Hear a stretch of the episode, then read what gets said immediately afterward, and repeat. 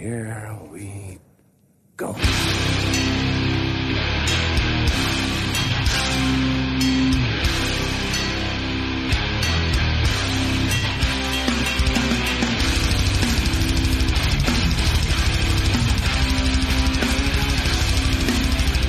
Hej allihopa, välkomna till Nere på Noll avsnitt 158. Jag, Danne, sitter här själv. David är på semester i Stockholm och Robin, trippelvaccinerade Robin, har fått the covid. Vad fan? Inte för att låta som John Joseph, men det här är ju helt jävla sick. Men det spelar ingen roll. Eh, vi har två ytterst kompetenta gäster på ingång. Eh, vi kommer snacka, vad skönt det ska bli att snacka lite 90-tal. Vi gjorde ju förra avsnittet om nutid. Nu ska vi få gå tillbaka, köra lite old school Örebro-punk. Eh, lite tråkigt dock är ju att vi har ju fantastiska nyheter som vi skulle droppa. Och det hade ju varit kul att få göra det tillsammans med mina poddkollegor. Men nu gör jag det själv i alla fall. Vi ska till Norrland. Nere på Norrland-turnén. Eh, vi kommer åka upp till Luleå och Umeå för att intervjua folk från hardcore-scenen. Nutid, dåtid. Eh, och vi är ju bjudna på detta av våra kompisar på Bastard Burgers. Luleå-baserade Bastard hörde av sig för länge sedan. Och eh, bad oss komma upp för att sprida lite ljus över den osjungna historien om Luleå Hardcore. Och eh, sen dess har vi bollat den här idén fram och tillbaka. Vi har ställt in på grund av pandemier i flera omgångar. Men nu är alla biljetter bokade. Eh, och vi har snackat med en jäkla massa folk inför. Kommer inte claima några namn här och nu. I och med att eh, saker och ting är som det är och det kan ändras. Eh, men det kommer bli minst tre sjukt feta avsnitt inspelade upp i norr. Bastard Burgers betalar för hela kalaset. Stort tack för det. Ja, nej, men håll, eh, håll er uppdaterade. Det kommer bli grymt. Vi kommer uppdatera mycket på sociala eh, under vår resa och allt därtill. Och som inte det vore nog så har jag också tillsammans med min fru startat en ytterligare podd. Um, vänligt men bestämt som kommer, ja, vi kommer snacka om eh, viktiga saker som veganism till exempel. Eh, finns att lyssna på där alla andra poddar finns helt enkelt. Då går vi in på dagens huvudtema och det ska bli Örebro-punk, eran runt 1990. Eh, vi har ju touchat på ämnet förut i avsnitt 56.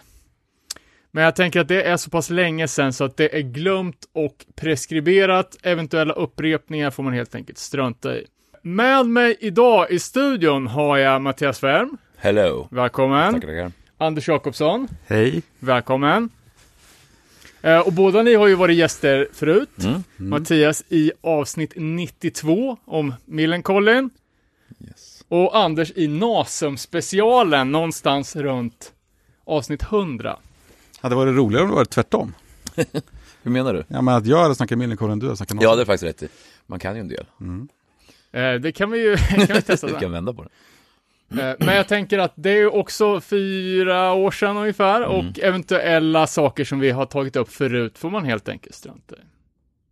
Men jag har ju bjudit in här er till eh, ett litet snack om en generation av svensk punk som har liksom funnits i min periferi. Jag var ju för, för ung för att uppleva det här riktigt på plats.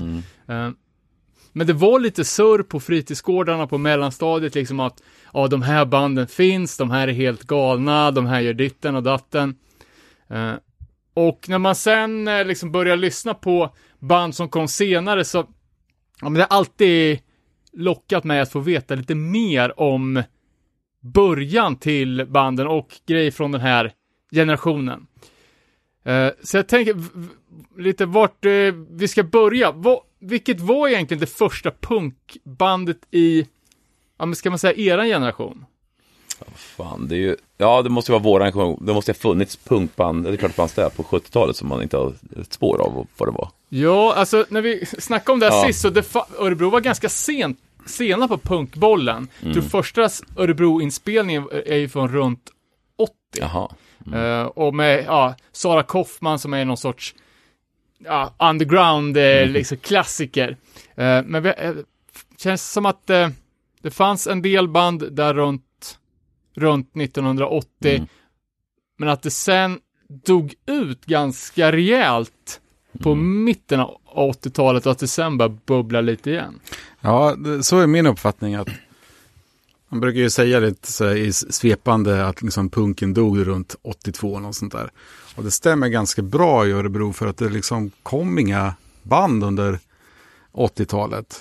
Det är så märkligt på något sätt för att den tidens punkband, det som man kanske kan kalla lite mer så här punkrock, alltså Ebba, eh, The Clash, liksom den typen av lite mer folk som kan spela punk.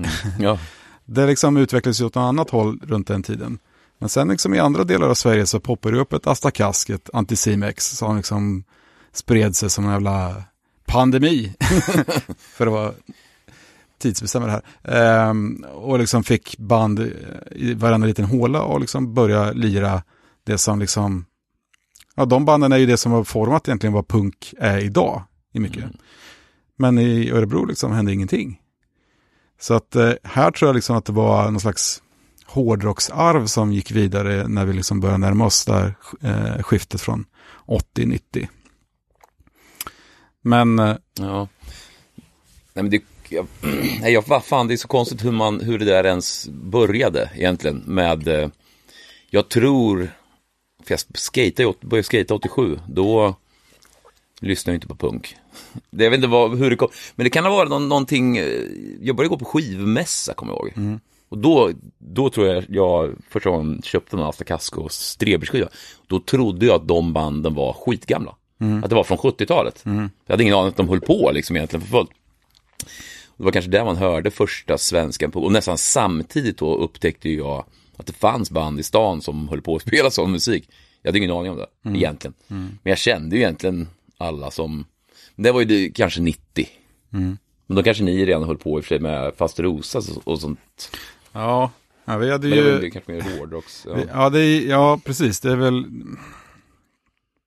Vi började ju på, på högstadiet och lirade på skolavslutningarna. Och då var det liksom mer så här hårdrock på svenska om att dricka sprit, vilket som var väldigt märkligt för mig som inte drack. Men man skulle sjunga om det. ja, precis. Vi hade ju två hits. Den ena hette En kvart och en platta stark och den andra hette Fri sprit och bredare trottoarer. Det låter ju rätt punk ändå. Ja, det gör ju det liksom sådär. Eh, men sen när vi började på um, gymnasiet och skaffa replokal, då blev vi ju mera Thrash-inspirerat, eller vad ska man säga, så här, nästan lite crossover-aktigt. Men var det typ 89 eller? Ja, men det var väl, ja, precis. Mm. För vi spelade in eh, någonstans där kring årsskiftet, så jag tror att, att liksom demon blev det första som hände 90 för Ja, oss. då. ja, um, Sådär.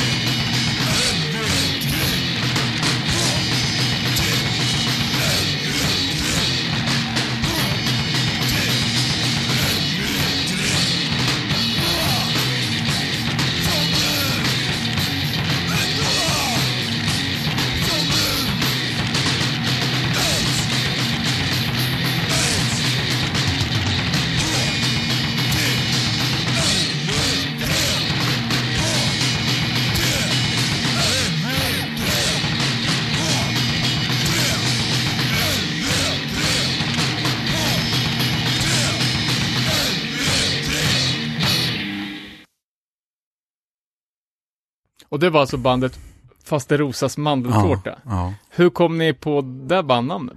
Eh, ingen jävla aning. Jag är faktiskt inte originalmedlem, men eh, var det Kim och Lurgo som... Kim och Lurgo och Bebba, den eh, kände grafiska formgivaren. Okej. De började väl eh, tramsa tillsammans på Tublegården i, Ja, just det. och sådär. Mm. Eh, men sen eh, i och med att eh, Kim och Lurgo och jag gick i parallellklasser så började vi repa på skolan och sen skaffade vi replokal och, och körde järnet en stund. Och vad gjorde du i den uppsättningen? Jag spelade trummor. eh, gjorde jag. Ja, och jag såg ju att det fanns en, fast det är, en demo med en jävla massa låtar. Eller var det fler inspelningar? Nej, det är en demo, det är typ så här 17 låtar något sånt där. En del är ju liksom så här, eh, korta liksom.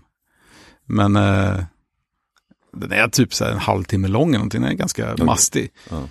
Eh, För det är, alltså, texterna går ju ungefär i linje med bandnamnet. Det känns ja, men, ganska plojigt liksom. Hur Ja. var, var, var texterna en...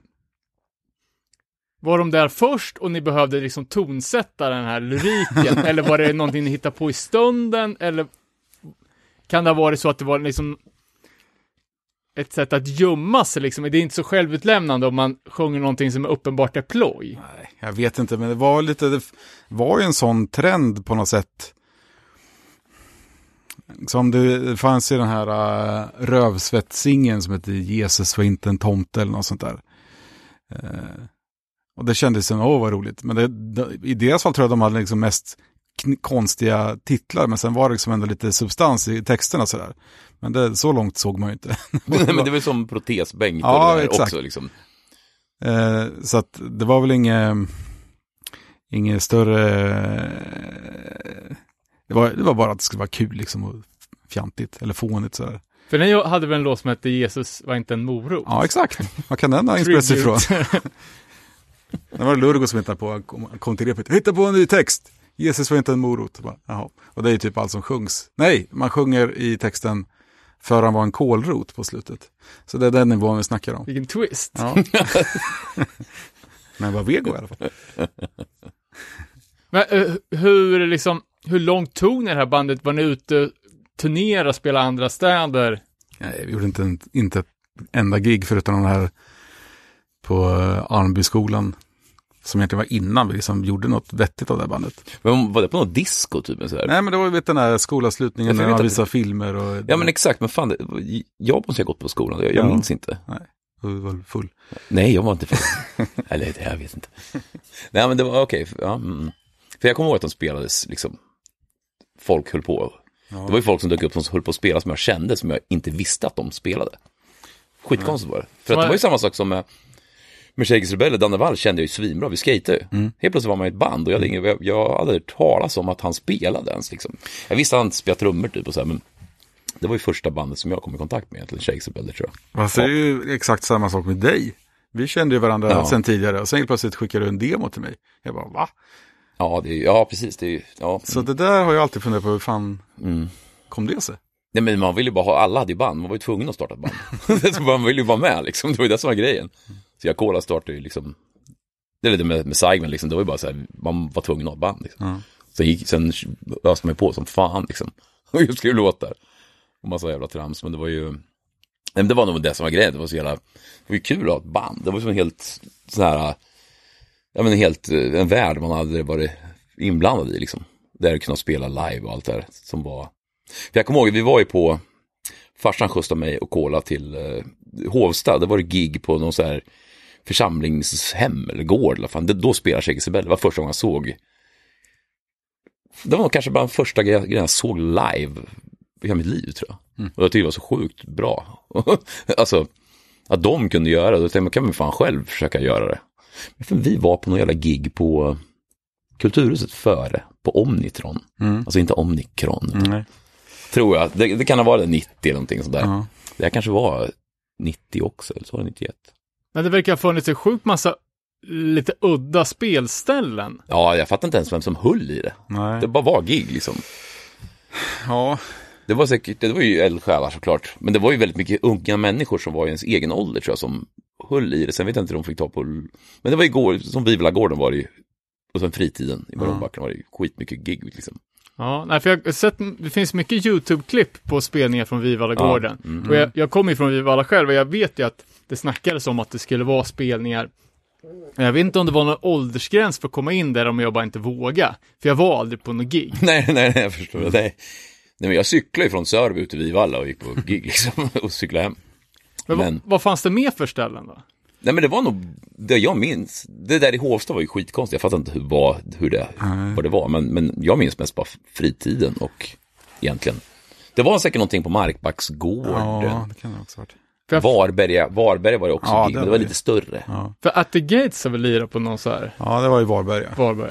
Eh, det var faktiskt samtidigt som vi spelade in någonting med Charles Hårfager så jag missade den spelningen. Ah. Var ni Finspång? Nej, vi var i Apstaden Ja, och spelade in till den här lokala samlingsplattan. Ja, just det. Det var väl det sista vi gjorde med Erik tror jag. Ja, Ehm, mm. Men, eh, Men det måste väl ha varit en jättegrej? fast det var ju liksom, det, vi hade ju ett ställe här som då hette Kulturhuset. Nu finns det ju ett annat Kulturhuset, eller vad det nu heter. Ja. Men det, det stället som fanns då, det var ju det som en gång i tiden hette Rockmagasinet, som var liksom nationellt känt spelställe.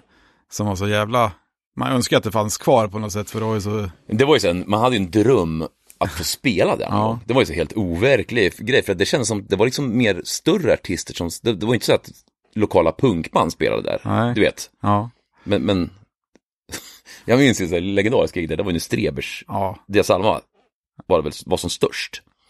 Var så jävla mycket folk. Jag Ja. kommer ihåg att hela dörren, Ja. entrédörren lossnade och Ja. ramlade av. Kommer jag, ihåg, Jag jag kom- tappade dojan, det var kaos. Var det. jag kom inte in den. Sen, Ja, gjorde inte det? Nej, sen det var väl egentligen officiellt sista spelningen Ja. som var där. Ja. Men sen blev det ju ockuperat, så, så var det lite, ja, då var det massa lokalband som Ja. spelade där liksom. Men just det var då, men som, de, var ju, de höll ju på långt för jag var inte, det var ju säkert, alltså hela 80-talet var det Mm. säkert gigs där. Jag visste inte, det var lite så här shady business tänkte jag. Ja, men vågar man gå dit, alla knarkar kanske, jag har ingen aning, du vet så här. Att Mm. det var, för det låg även en vegetarisk restaurang där som heter Kärnhuset, Ja, precis. Supersuspekt. Ja, ja, men det var, hela grejen var flummigt och konstigt tänkte jag. Ja, men det var, det var en så här usel spellokal, för det var jävla pelare, Ja, var prick överallt liksom. Och Ja. så här. Men det var ändå någonting. Och Men var det en krog också eller var det Nej. bara giglokal? det De, var, Nej, de serverade fan ingen, det fanns nej, ingen all, nej. det tror jag inte. Det var en förening liksom. Ja. Men det var ändå så här, jag var ju på Afghan, på Afghan Wigs Ja. där och Lemonhead spelade, de spelade Ja. Hardons spelar, jag har sett. Candlemass, ja precis. Och, eh, MCD, vad heter de? vad heter de? Accused. Accused, ja. Ja. ja. More Dead MDC. ja. Ja. Ja, de hade ju en tjej som spelade topless. ja. Nej, det var förbandet. Ja, precis. Ja, det var helt sjukt, tyckte alla. Man bara, hoppsan, vad hände oj, vad knasigt. Stod man där och Ja. var 17 och bara, oj, Ja, Men det är sjukt att de kunde få ekonomi då på bara biljettpengar Ja, om de inte hade sant. bar. Men det, de fick säkert, det var säkert någon förening, de kanske hade någon, för, fan vet jag, bidrag eller vad det nu var. Ja. Men det var en jävligt, det, det, det var ju fränt. Mm. Hela grejen, det var ju, de gjorde en jävligt bra grej alltså. Mm. Men sen kom det en annan scen som var, hette Nya Teatern. Där gjorde Ja, ju ni ett av era Ja. Mm. tidigaste grejer. Och då, då kan man väl säga att i samband med det så började det liksom komma band från den här eran från andra städer hit. För ni hade ju Refused då. Så. Jag vet, det är Norrlandskontakten, precis. Ja, Mm. Ja, jag ja. öppnade Ja. Norrlandsfönstret, släppte Ja. in Refused. ja, precis. Så det var ni, ni Refused och Wedge. Ja, precis. Och då började det ju hända grejer där. Mm. Så det var ju det, var ju, det här var ju, då var det ändå, kan det, vara, det var 93 tror jag där. Ja, det var lite senare. Men sen hade de även lite gig på, vi spelade ju på TBV, hade ju, Just det. man kunde spela där. Första Liksom. Millen-giget Ja. Jag tror det var lite andra spelningar där liksom. I en replokal? Ja, eller? nej, nej, i studion, det var så jävla fet, stort inspelningsrum där. De hade en liten scen där. Och, studion då, tror jag, lite senare då, då var, den var knappt, ja, den kanske var igång. Men det var lite så här på dekis, hela den studioriet här framme. Men, men det var gigs där också. De tog väl in 50 pers kanske, jag tro. Jag kommer ihåg ert, ert första gig där. Ja, herregud. Det var ju när ni var tre. Ja, precis. Ja, ja. Och så efteråt i, i logen så vad fan vi kanske ska ta med Larsson i alla fall. För Larsson var ju arrangören till Ja, han var ljudtekniker, eller han s- skulle inte vara där. Nej, precis, nej men så var det. Exakt. Så det var ju liksom en Ja. otroligt viktig del i, i Millencolin-storyn. Ja, ja, ja. eh, ja. Ja, Men ni spelade där med, med Seigman också vet jag.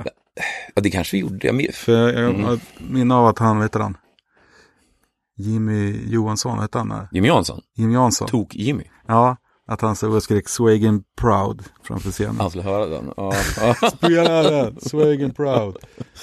ja men vi kanske lirade. Ja, det fanns, stämmer nog kanske. Just det, det var även gigs på, i Brickebacken på gården där med. Just det. Det var det Det faktiskt. spelade vi med Charles också. Det var ju, alltså vad jag minns från de spelen, det var ju mycket folk. Mm. Det var ju liksom fullt med folk hela tiden. Vad tror du var brist på annat att göra eller var det liksom en punkpepp? Ja, Jag tror det var punkpepp faktiskt. Jag tror det var nog liksom början av liksom det som sen blev kanske lite mer engelsksjungande musik, liksom att det övergick till det. Det var nog säkert samma liksom eh, folk, tror jag. Sen är ju punken, anledningen till att det blir punk, eller det blev för oss, det är så jävla- du kan ju liksom spela det. det. Det är ju ganska enkelt egentligen, även fast vi tyckte det var skitsvårt. Jag kommer ihåg vi skulle, hade bestämt att vi skulle spela en cover, och skulle spela Blitzkrieg Bop. Helt omöjligt. Jag kunde inte ta ut den, det gick inte. Jag bara höll på, och så, bara, så sket vi och så körde, gjorde vi egna låtar istället. Men det är då fattade jag efteråt att min gura var ju såklart inte stämd i samma, Nej, nej. det var ju liksom väldigt svårt. Så att det är ju, så det är det som var kul med, men då gjorde vi också att vi, vi skrev texterna först, om något bra ämne, typ vita Reeboks. Eller vad fan det var. Och så hittade gjorde man en låt till det där va. fan. Ja. Nej, men det var ju kul. Men det var ju så jävla roligt just det här. Sen även TBV var ju så jävla viktigt tror jag för scenen i Örebro. För att du kunde liksom hyra, betala 500 kronor per termin. Ja. Och då fick du ju en replokal med instrument, du behövde inte köpa några grejer liksom. Då kunde ju många prova och se om det, om det var någonting för en, liksom en Fanns det någon handledning också? Så man Ja, fick lite... men vi ville inte ha det. Vi, nej, men det, det var ju, du hade jag handledare som var svinduktiga liksom, men, som kunde hjälpa, men det, det var ju, hörde man på en punk så det var ju inte punk att ha en jävla handledare liksom. Så man fick ju, problemet var ju att man kom, jag kommer ihåg vi kom till replokal, typ repa tisdag, torsdag, det var. kom dit på tisdagen, klockan åtta på kvällen, då var, alltså gurorna var ju ostämda.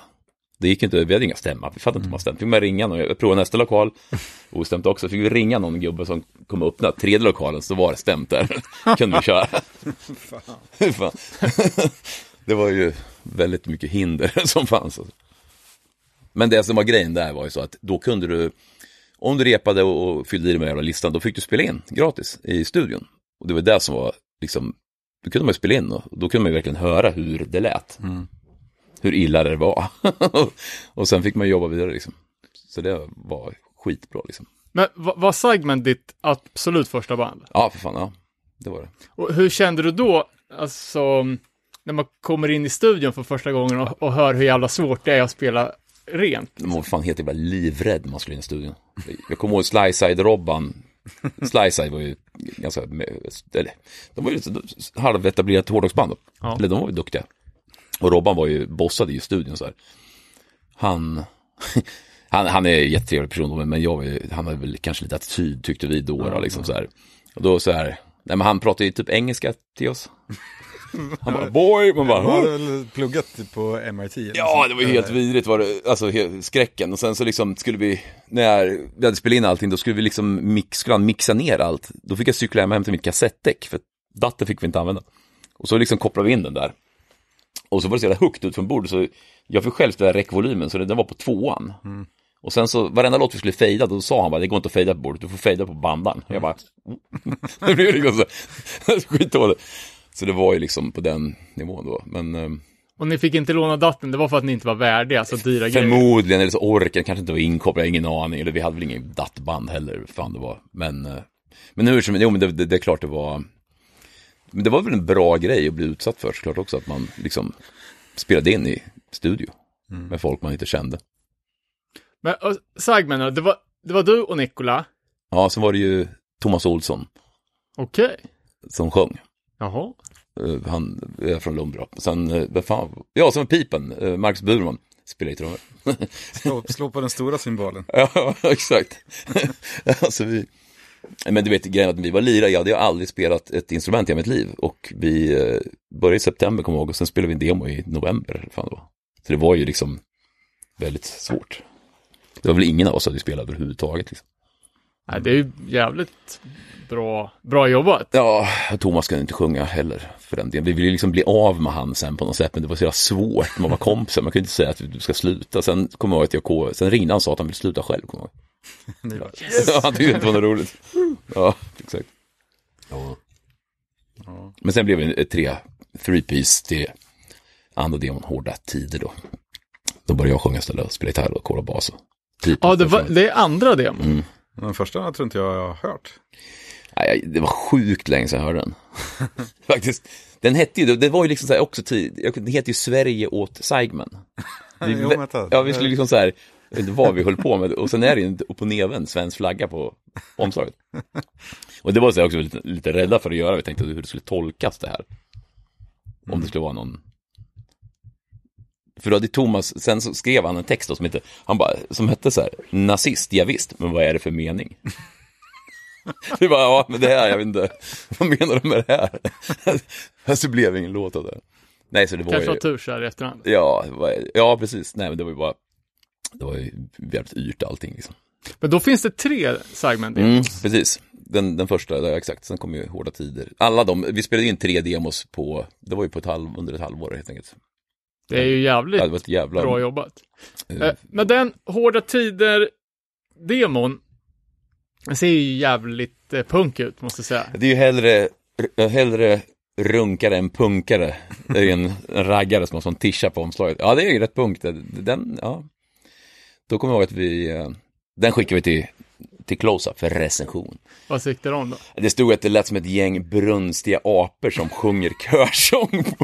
Jag vet, pipen skulle sjunga och liksom Robban då, Slice, han bara, vi sjöng lite på den refrängen. Han bara, du i mitten, kan du flytta två meter bakåt bara? Han bara, Åh! Så- Nej, men, men den, då kände vi ändå så här att eh, fan, vi hade gjort lite framsteg till våra tider. Det var liksom på något sätt så var det lite bättre.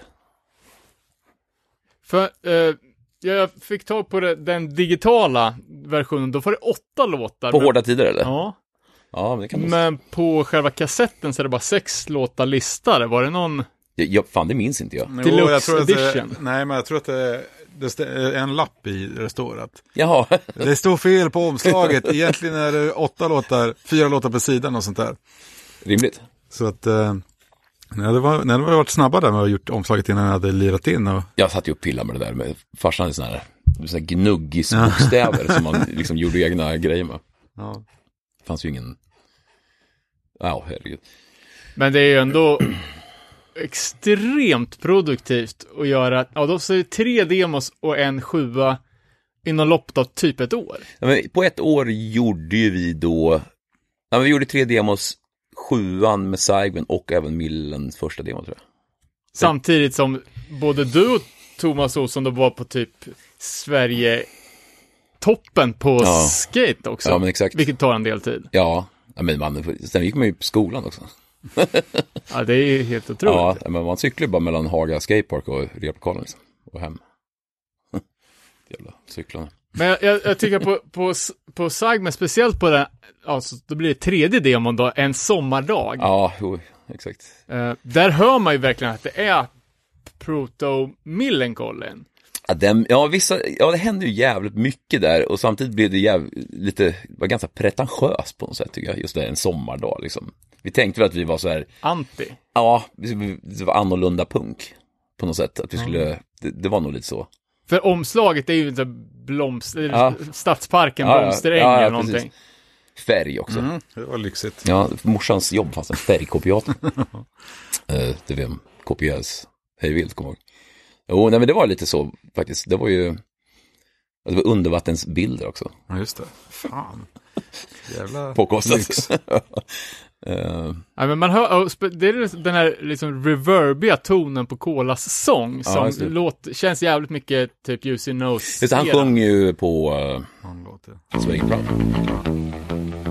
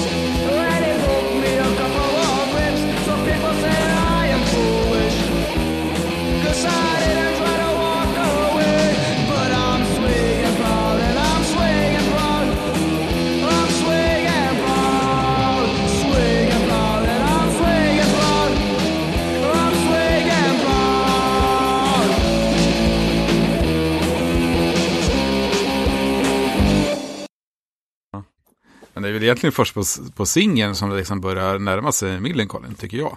Ja, men då, blev det, då, då började även Danne Wall spela trummor och han var ju svinbra på trummor upptäckte vi mot vad vi hade hållit på med förut. Liksom. Det var ju liksom, nej men det var ju, blev en helt annan grej liksom. Och han bara kunde spela trummor också?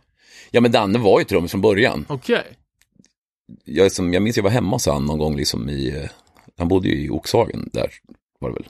Tro, nej, nej, inte Oxhagen, Nej, äh, Björkhaga. Västhaga. och han ju trumset på rummet. Även hade han då... Populärt i lägenheten? Ja, men det var väl lite radhus tror jag. Och sen hade han även så här, det var sjukt mäktigt, han hade ju så här skrivit med tusch på väggen, telefonnumret till alla hans polare. Det var ju helt sjukt, sjukaste jag sett i mitt liv. kommer. Nej men då var så, han var ju rätt, jag vet, ja men han var ju, han kunde ju spela trummor, kunde han i alla fall. Så var det ju. Men sen vet jag inte vad som hände, varför han inte då var med i Millen sen. Ja, det vet jag inte. Varför det blev som det blev, egentligen. Eh, Det, det råder ju en liten personkult kring Danne Wall och det, för Mm. ofta liksom, Mm, det är ju mest populära, eller så här efterfrågade avsnittet. Mm, mm, Accidents specialen. mm, mm, mm.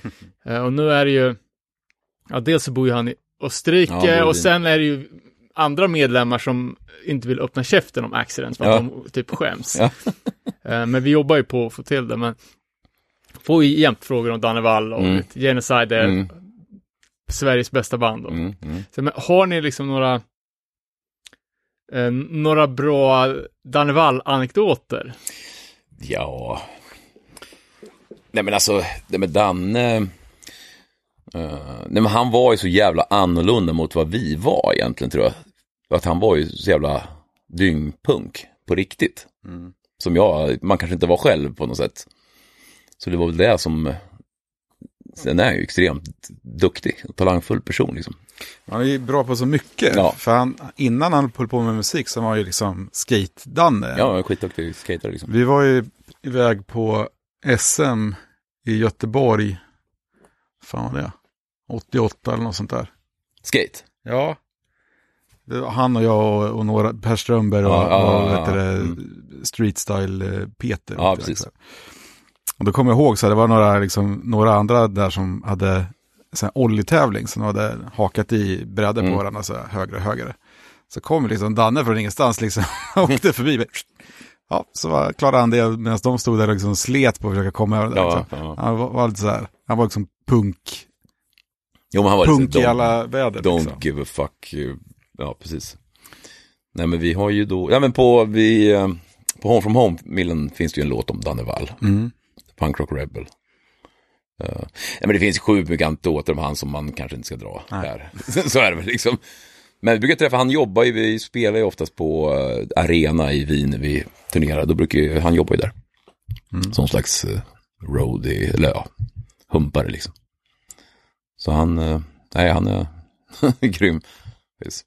Han spelar en jävla death metal-band också. Ja, han är Som är ju i, i någon variant av de här Pung and Stench. Ja, precis. Som, fast de får inte heta så. Av någon Världens härj var det, han berättade om det. det är ju, sångaren hade ju, Ja, jag vet inte hur det var, det var, ju- det var ju så låst ut, de har ju för, åkt dit och betalat massa pengar. ja. Nu alltså? Ja, Okej. för de använde namnet eller vad fan det var. något, något tjafs där. Ja. Ja, Så jag vet inte vad han mer håller på med. Anstalt, finns det? Eller? ja det tror jag, det tror jag faktiskt. Mm. Nej men sen, nej men det var som sagt, som jag sa, det var ju så här, jag, vi skatade ju med hela skategänget liksom. Men sen att han höll på med musik, det jag hade ingen aning om det. Det var så jävla konstigt att han inte, prö- eller jag kanske inte lyssnade. men jag var liksom, det var som en grej som, som jag inte fattat han höll på med egentligen överhuvudtaget. Förrän långt senare. När han är på att spela Shakes Rebell. Men vi började ju faktiskt spela ihop 90, jag och Danne och, och, och Rickard i Necrony då. Ja just ja, Danne var, ja, ja, han var ju med där. Fan. Ja, ja, han är med. Ja, ja. Mm. Så att det var ju liksom, och då var det också sådär att eh, han och några flyttade in i, i Fasterosas replokal liksom. Jag bara, fan håller du på med musik liksom? Och sen blev det att vi började typ så beställa skivor tillsammans och sen bildade vi ett band. Mm. Så det var ju liksom starten på hela min riktiga musikaliska karriär, var ju tillsammans med Danne Wall egentligen. Men när fan kom Näcken i CDn? Alltså, Ja, den är inte han med på. Han Nej, men- är på demon, ja just det. kom in 91 och sen vinylsingeln 92 kanske, Och fullängdaren. 93. För det var första bandet som jag visst, som jag kände till från stan som hade fått gett ut en CD. Mm. Det var ju helt sjukt. Det var ju så jävla på riktigt. Du vet, det var ju så här, få ut en CD, det var ju så här, det var helt sjukt svårt att kunna hamna på en CD-skiva. För vi, jag kommer ihåg på, med Millen var vi med på en samling som hette Offside, som Ragge gav ut på Wounded eh, Records. Ja. det var första gången vi var med på en CD, det var ju, jag minns den vi fick den, så det var helt magiskt, man själv var med på en CD-skiva. Ja, det var alltså nya format. Ja, det var liksom så här helt sjukt, vinyl, visst, det var, men det var ju bara, vinyl var ju så jävla gubbigt tyckte man då. Right. Det var ju, farsan hade ju vinylskivor och CD var ju det nya liksom. Ja, Ja. Det var ju några år innan man kunde liksom bränna egna det var helt, också, det var så helt ju så- omöjligt ja. att få det liksom. Precis, sen kunde du bränna egen CD liksom. Då fick du själv på CD Mm. liksom, men, men här var det ju men då kommer jag ihåg när, när Necron gjorde det, det var ju så här, man bara, det är helt sjukt liksom. Alltså, att man kan, ja, det är så stort så att det är liksom världsstort, Mm. kände man. Och hur långt kom ni med det bandet? Alltså man ser ju fortfarande att det dyker upp så här Necron i bootleg, merch och kassetter och grejer. Ja, nu dyker det ju faktiskt upp eh, officiella reissues eftersom jag har tagit ansvar för det här. Liksom. Så att eh, faktiskt är det så att den, den CDn du pratar om, den kommer nu i, i fyra olika versioner på fyra olika bolag i fyra olika delar av Sverige. Exakt samma dag, Jaha. i olika delar av i, i världen. säga. Ja, ja, ja.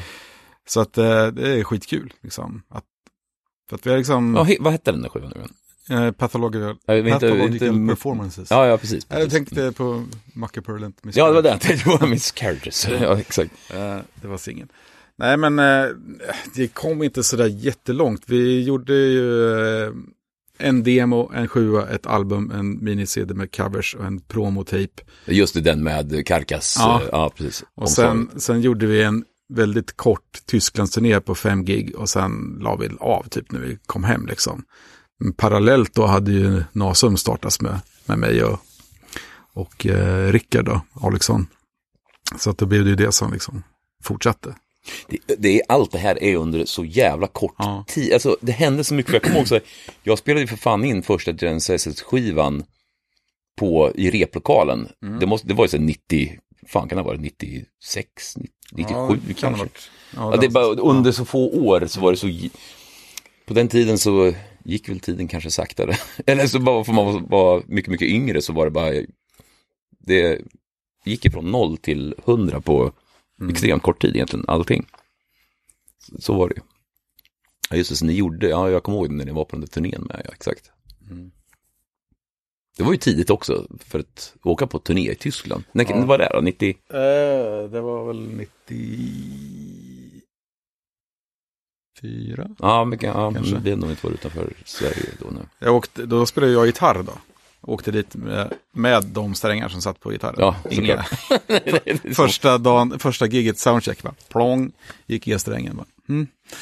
Det var så man jobbade på den tiden. Ja, då fick vi ta liksom en bassträng. Ja, det var fy fan, det var ostämt. Och det finns ju, några av de här eh, konserterna finns ju inspelade, tyvärr, det låter apa. Men, men liksom, det var ändå liksom första taste av att eh, åka och turnera. Mm. Eh, Ja, men det är men det är väl inte så långt innan ni började dra iväg med... Ja, 95 åkte vi väl utanför Sverige första gången. Ja. Med Millen liksom. Men, eh, nej men vi spelade, vi, vi turnerade, eller turné, vi spelade ju med Saigman med, gjorde typ kanske sju gig eller någonting skulle jag tro. Vi Men fick ju, inget utanför stan. jo, vi gjorde ju ett i Uppsala med DLK. Det var ju liksom i slutet av, liksom, av allt. Jag tror vi inte fan hade börjat med Millen då, och vi hade släppt den sjuan och sen så hade vi, fick vi den spelning för det var med DLK, så gjorde vi den liksom. Då kommer jag ihåg så här, vi åkte dit, eh, vi hade självklart ingenstans att sova Nej. överhuvudtaget. Det var kallt som fan ute och vi, vi bara gick runt, vi hittade en jävla lucka i marken vid centralstationen i Uppsala så vi kunde klättra ner i och sitta liksom så här, men det var ju helt värdelöst. Och, sen så, och då liksom fanns det tåg, det stod ett tåg på perrongen. Och då lyckades jag liksom, kola, han liksom höll upp mig, då lyckades jag öppna fönstret på tåget. Så jag, jag hoppar in och kola hänger typ så halvvägs in, då slås högtalarsystem på på stationen på och de bara Ni som är vid tåget, bara stick därifrån, annars ringer vi polisen. Jag bara hoppa ut, springa ner i luckan i marken igen. Och genomlida natten liksom.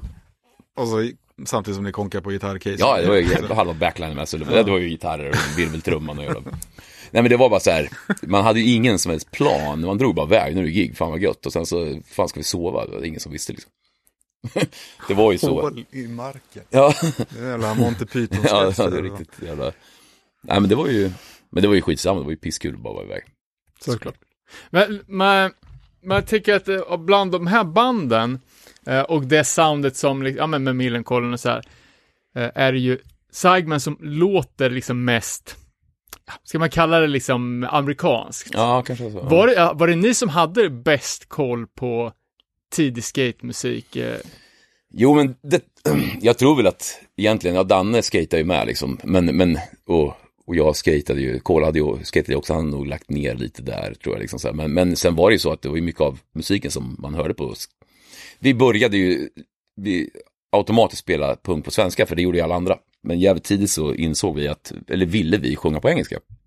Det är ju, That's Swag and Proud är ju, Första steget. är den på engelska? Nej, han sjunger ju bland- engelska typ. Men vi bara, ja men sen blir ju sjuan på engelska. Och jag vet Kumpung gjorde De ju, byter ju halvvägs på de, singeln. precis, de skulle också, de skulle börja spela kängpunk på, Ja. på engelska var ju planen. Men vi, vi- då, då föddes ju den här grejen att vi tyckte att svensk punk var så jävla trist. För det var så liksom så här, det var ju det här politiska liksom som hade gjorts så jävla länge. Det var ju samma hela tiden egentligen, tyckte man då. Och då var det som du säger, vi gjorde oss fria från det och skulle bara sjunga på engelska. Det var ju skitviktigt för oss och då även att vi var fan inget punkband, utan vi spelade skatepunk liksom. Och det var väl kanske lite så det var. Men, men så jag tror självklart var det så att vi var ju jätteinspirerade. Jag började ju lyssna på alltså Misfits och Dead Kennedys och, och liksom Ramones och sånt långt före att lyssna på Hasse Kask och, och den, den, den, man upptäckte den svenska punken, det var det som gjorde att man började spela musik. Det andra lyssnar man ju på, liksom, bara på, för man skejta typ. Eller man, det, det kom ju därifrån tror jag. Jag förstår. Suicidal Tendencies och allt det där. Men då hade man aldrig hört Bad Religion eller NoFX och det där fanns ju inte riktigt när man upptäckte de första banden. De typerna av band var ju inte med i de här skatefilmerna. Ja men det var ju någon A1 Meets film, vad fan, det var som, som hela Ribbed var med i. Från början till slut. Okej. Det var första gången jag hörde NoFX i hela mitt liv. Det var det bästa man någonsin hört. Då ställde man upp bandaren framför tvn och spelade in Fick man med skate-ljud? och allting liksom, men det var ändå så här, man kunde ändå lyssna på det utan att kolla på tv. det, nej men så, det var på den vägen man upptäckte det där. Eh, men Jag, jag tänker på, på den här sjuan då. För, det är många av de här banden som har, det är ju mycket så här provocerande texter Mm. i liksom i all oskyldighet, liksom Jesus ska dö, dö Ja, ja. fosterlandskomplex, DR4, men ni kör så Stalin-grejen. Det är, den är utgiven på KGB Records också. Ja men det också, och Stalin Crew. Det är ju helt sinnessjukt hela den grejen. Jag vet, det var ju Kola som var lite så här, han är ju jugge liksom. Och han var ju från, liksom, han hejade alltid på, på Sovjet i hockey liksom. Det var Sverige, du vet jag var helt, jag var helt galen på det där, kommer jag ihåg. Hur fan kan han göra det liksom? Men de var ju liksom, det fanns nog lite säkert någon sån här eh, kommunism, eh, att det var lite så här eh, skimmer runt det från Jugoslavien och det här. Så Stalin, han var ju fan lika jävla galen som Hitler liksom. Så att egentligen är det ju helt sjukt, vi snackade om det Erik häromdagen, att just Stalin, den låten, Stalin, he's the number one. Bush, bara fuck you. Bara så här. Och det var väl någon, men det var ju punk, det var någon slags revolt, vad vet du fan. Även White Blood, den låten är ju liksom, ja. Nej men det var ju, Kola var ju även mycket inne på, på amerikansk gangster-rap liksom. Då. Så det var ju, det var väl tvärtom mycket annat om man säger. Det är lite konstigt egentligen. Ja, men kul. Ja, ja visst. Eh, Men jag, jag tänkte lite också på det här, eh, för det, det fanns ju liksom, en, inte en rap-scen kanske, men det var ju, började bli populärt i, i Sverige. Och det fanns ju lite olika, eller lokala rap-projekt, Bad taste. till exempel. Ja. Eh, hade, var punkscenen liksom kompisar med de så här hiphop-artisterna, eller var det någon men- nej, men- rivalitet? Ja men det tror jag. Å andra sidan så vet inte jag om hur hiphop, den scenen, den tror jag jag, en rap-scen man säger, i, som fanns i Örebro, det var nog det, det upptäckte nog jag när jag gick på gymnasiet. I och för sig började jag spela på när jag gick i gymnasiet, men det var nog kanske de med Bad Taste, de snubbarna gick i samma skola som oss. Det var nog det enda, annars vet jag inte om någon giggade, hur det var med gig, det var, fanns ju inte så mycket rap. Som jag visste om, liksom på gårdarna så här. Det var, det var nog inga blandningar, att de körde lite, någon rapartist och sen kom det punkband, så det tror jag inte det var. Ja, det är det på en eh, spelning som var mitt i stan som jag har hittat här. Eh, där faktiskt både Charles Horfager och Bad Taste spelade. Det var Bad Taste första gig. Var det utanför slottet där? Ja, exakt. Ja, det kommer jag ihåg. Och där var det ju även eh, ett band som heter Free Force som spelade som blev... Hårdrock. Nej, Nej, men var det, var det Matte Lilja och Ja, Henke exakt. Vind? Och... Så det var, Mm. jag vet inte.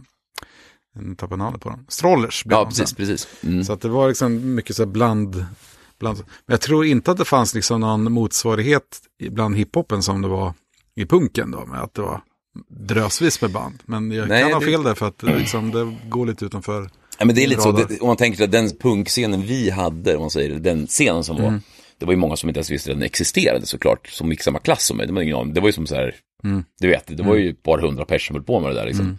Så det kanske finns, fanns någon annan som vi inte hade en aning om också såklart. Mm. Men, eh, ja, det är ju intressant det där faktiskt. men de där, jo men det giget kommer jag ihåg vi, utanför slottet där, det var ju så jäkla stort, för det var ju på stan. Mm. Och det var ju, det var nog lastbilsflak. Ja. Eh, och jag minns att, eh, och det var väl gratis liksom. Mm. Och Det var ju bara, vi spelade, det var Kung Pung spelade vi där för mig och Charles. Ja, bara Charles. Men Nej, det, det, kan, det, det kan ha varit eh, flera, Det var flera dagar. flera, det var någon som återkommande varje fredag eller något Ja, så kan det vara. Ja, det är sommar. Ja, så. Cityrocken eller Ja, något sånt japp, där. japp, japp, det stämmer. Och när var det här? Det är 92. Ja, Jag fick precis. faktiskt en bild därifrån. Från, eh, Mm. från just Bad Taste. Eh, jag ska kolla här. Men eh, det är någonstans där. 92, ja 92. precis. Man hade ju jävligt gärna själv fått spela där, men det fick man inte. Nej.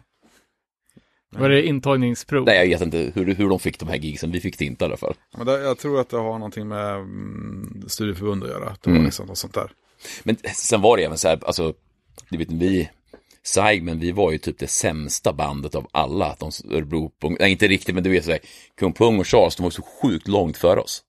Jag kommer vi lyssnade på, fick höra Kung Pungs demo, då, de sjöng ju stämsång liksom. Jag tänkte, fan, hur fan gör man, tänkte jag. Fan vad fett det låter. Jag hade ingen aning.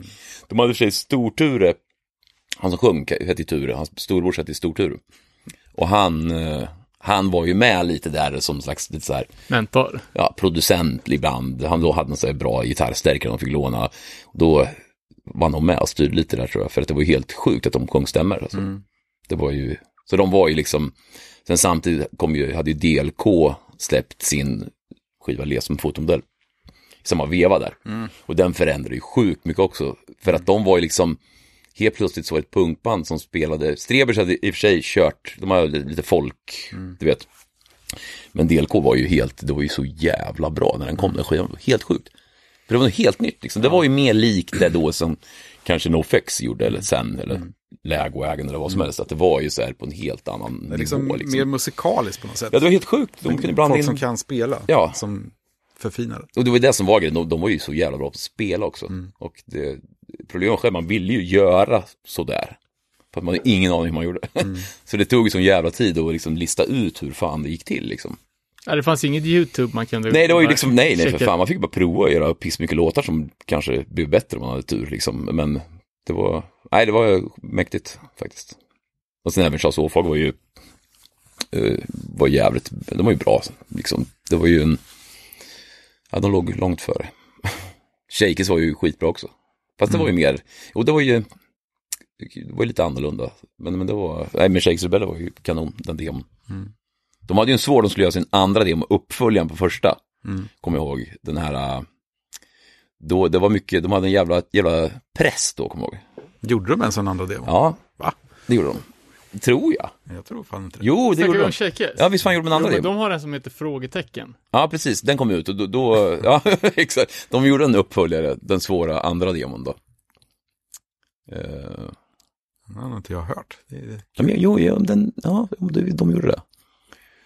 Hmm. Den kanske aldrig kom ut. Den kanske bara, liksom, har du den? Nej, men jag har, jag har sett den i alla fall. Ja. Den, den finns. Nej, jag tappade alla mina, jag har inte kvar en enda demo. Okej. Den försvann i några flytt, liksom. Tråkigt nog. Eh, det var ju synd. Jag Jag, hade, jag har ju, också dribblat bort man hade ju allt, liksom. Du vet, fan vad... Alltså, det, det roliga med demosarna var, du vet, man kom över demos, det kunde ju vara lika bra som att gå och köpa en ny skiva, liksom. Det var ju liksom, hela den scenen var ju så här... Jag kommer ihåg, vi fick ju från, jag, jag var och skejtade i eh, Luleå på SM, om det var 91. Då träffade jag Pelle Gunnefelt där. Då var det ju gig på kvällen, då spelade ju, ja, fan var Step Forward. Det var ju, Better change. Och, ja, Better Chains, ja, och även Randy, eller Heffa Klump då. ja, Och sen tror jag att Superdong, alltså Screamback, ja. Kristoffer från Fire, Kristoffer eh, som sjunger Fire och Pelle Gs band. De lirade ju där på kvällen. Och då fick jag lite kontakt med honom, då skickade han en demo, deras Screamback-demo och sen på andra sidan var det Superdong, alltså som de hette sen. Det var ju så bra så det var jag fan på att svimma av när jag hörde det. Det var ju Ja, samma sak är där, det lät som Heavy. Religion, liksom. Så jävla bra var det. Men då på det gigget, det var så jävla roligt, då var jag, jag var ju junior. Sen fanns det ju seniorskater också Ja. då, då, de skulle kröka seniorskaterna och vi var ju livrädda liksom. Och då, då, då drog de iväg till Statoil och fixade bärs, kom tillbaka och bara kröka vi- på giget och dricka bärs och bara bli livat som fan. Tills en upptäckte att det var lättöl de hade druckit. det blev så här, alla bara, "Hå, bara, okej, bara." alla var nyktra till på en gång och bara så här, drog hem typ. Det bara dog hela festen. Det var ju så här, det sprutades öl, det var världens röj var det inne. Men det var, då kommer jag ihåg att det var ju så här, jävla mäktigt gig som var där liksom, skitmycket bra band liksom. Då fick vi kontakt med Norrlands folket liksom. Egentligen före vi hade börjat spela överhuvudtaget tror jag. De var ju, de låg ju eh, rätt långt före där liksom. Uppe, Om man säger, de hade en jävla bra. Mycket bra band. Så, ja, då kan det gå. Men eh, Shakes eh, demon då, låtar från Bondgården, det är ju också ne- 16 låtar. Ja, ja. I, och för sig jävligt korta, Ja. men det är nästan som en Ja, fullängdare. ja. alltså. Ja, det var ju svinbra. ja, den är verkligen Ja. något speciellt. Den är så jävla eller rå liksom. i. Sitt, det är liksom, om man nu lyssnar på den idag, det är ju så här omtagningar och oj, nu spelar jag fel. Ja. mycket snack. Liksom, Den, den känns som att den, de har bara satt igång den och så har de kört igenom sina låtar och sen är de klara på en timme liksom.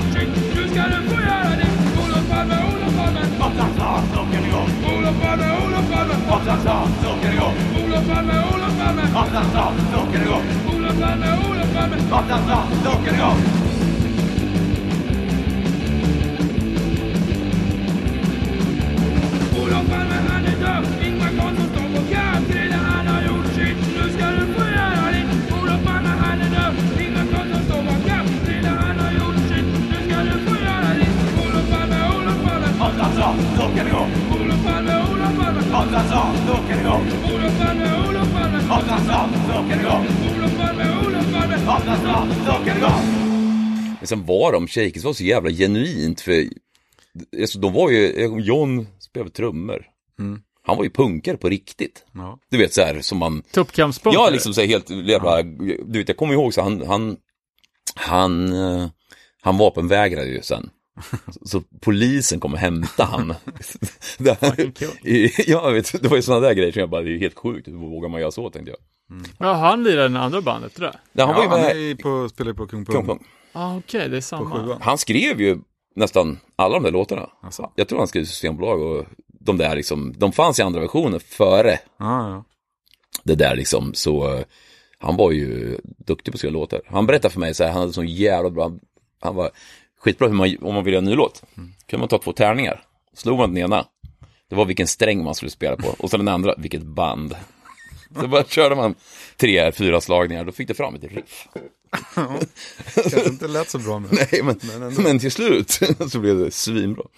Men det är lite intressant för det är en del, vad ska man säga, viktiga figurer från den här tiden som inte liksom håller på med musik längre. Vad jag vet. Ja, visst är det så. Som Ture till exempel. Ja, Eller håller han göra någonting? Jag vet inte. du menar stor eller lill? Ja, Lill, för stor vet man ju att han Ja, nej men lill, nej det tror jag inte faktiskt han gör.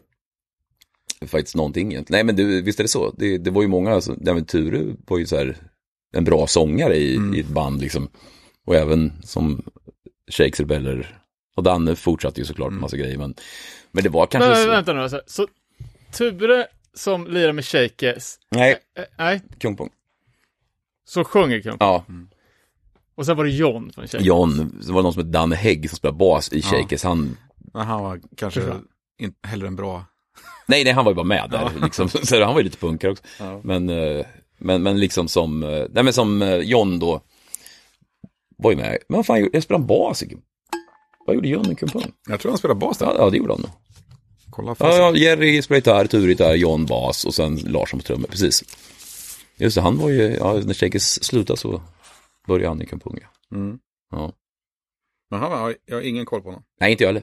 Nej, men det var någon som hade träffat han, typ så här, han lever ett stillsamt familjeliv, kan jag tänka mig.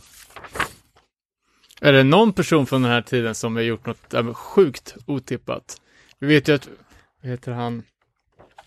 Fredrik Folke är väl någon sån här geni Ja, ja. förklarad. Han gick i Eriks klass. Han var ju med på Necrony. Ja, han spelar jazzgitarrsolon. Vilket var en ganska dum idé, men det låter ju kul. Han spelade ju saxofon sen på Myllen på The Strike.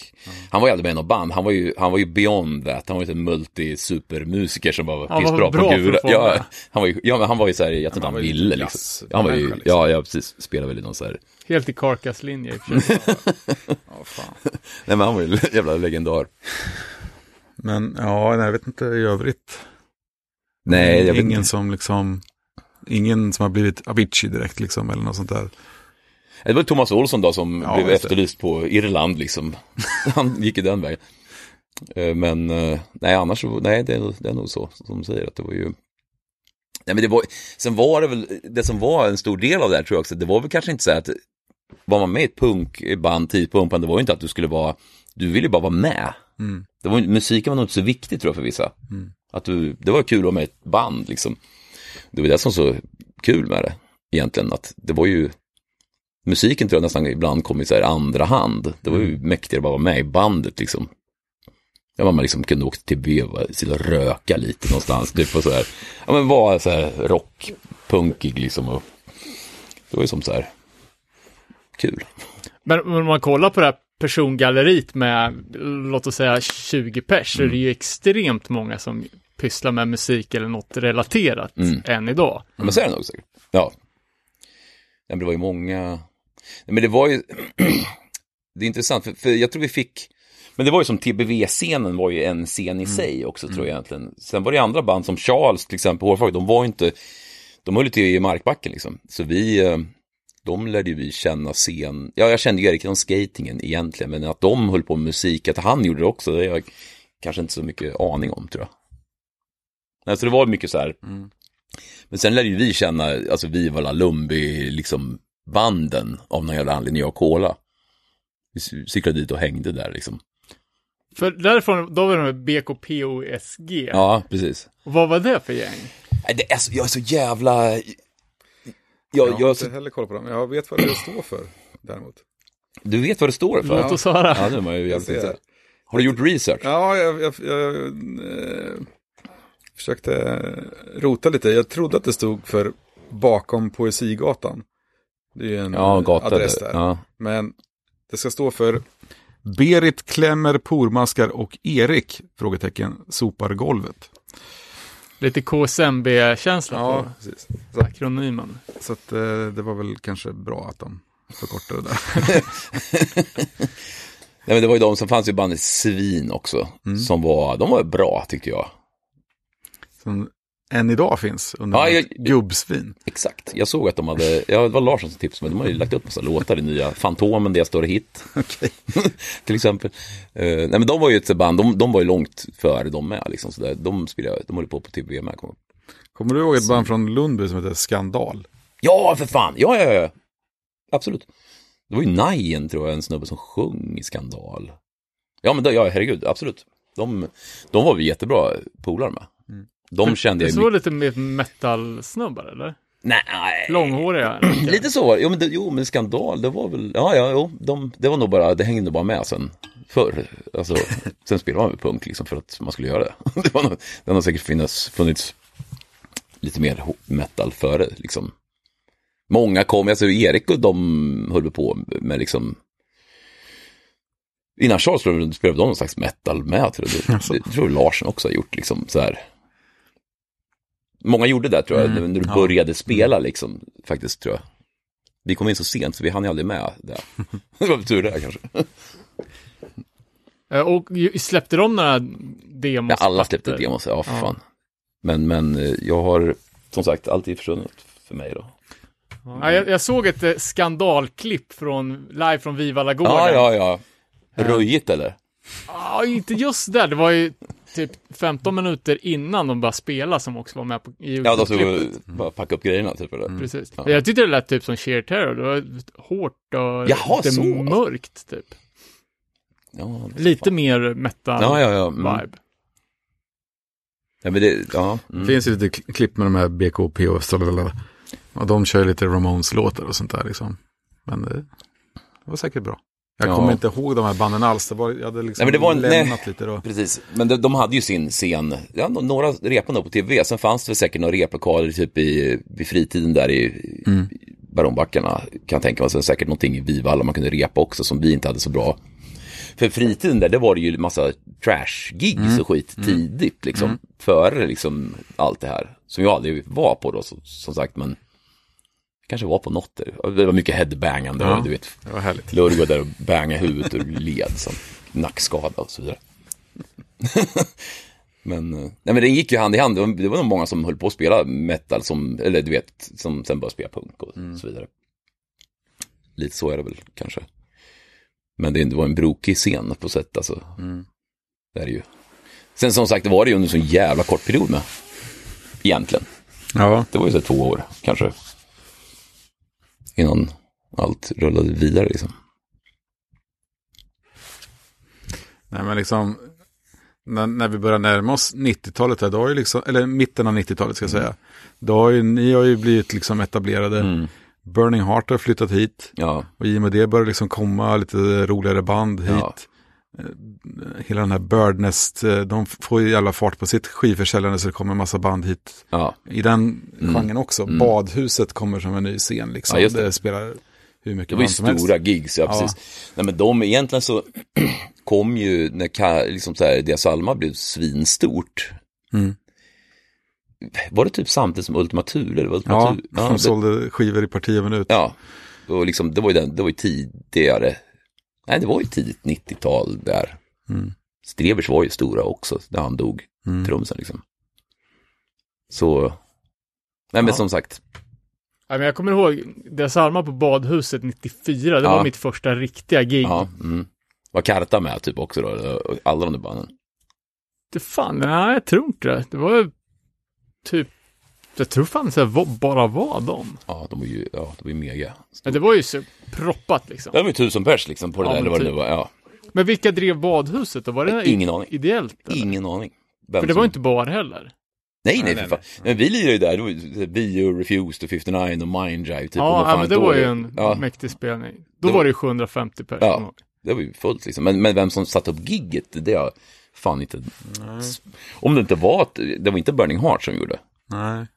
Och vem som roddade med det där, om det kont- kontur kanske var inblandad typ, eller något sånt där liksom. Ja, för det, det var ju ganska säker på att det var innan Burning Heart kom till, till Örebro. Det var det, ja, de var i Fagersta, absolut. Ja, de var ju även i, i Köping i, emellan där.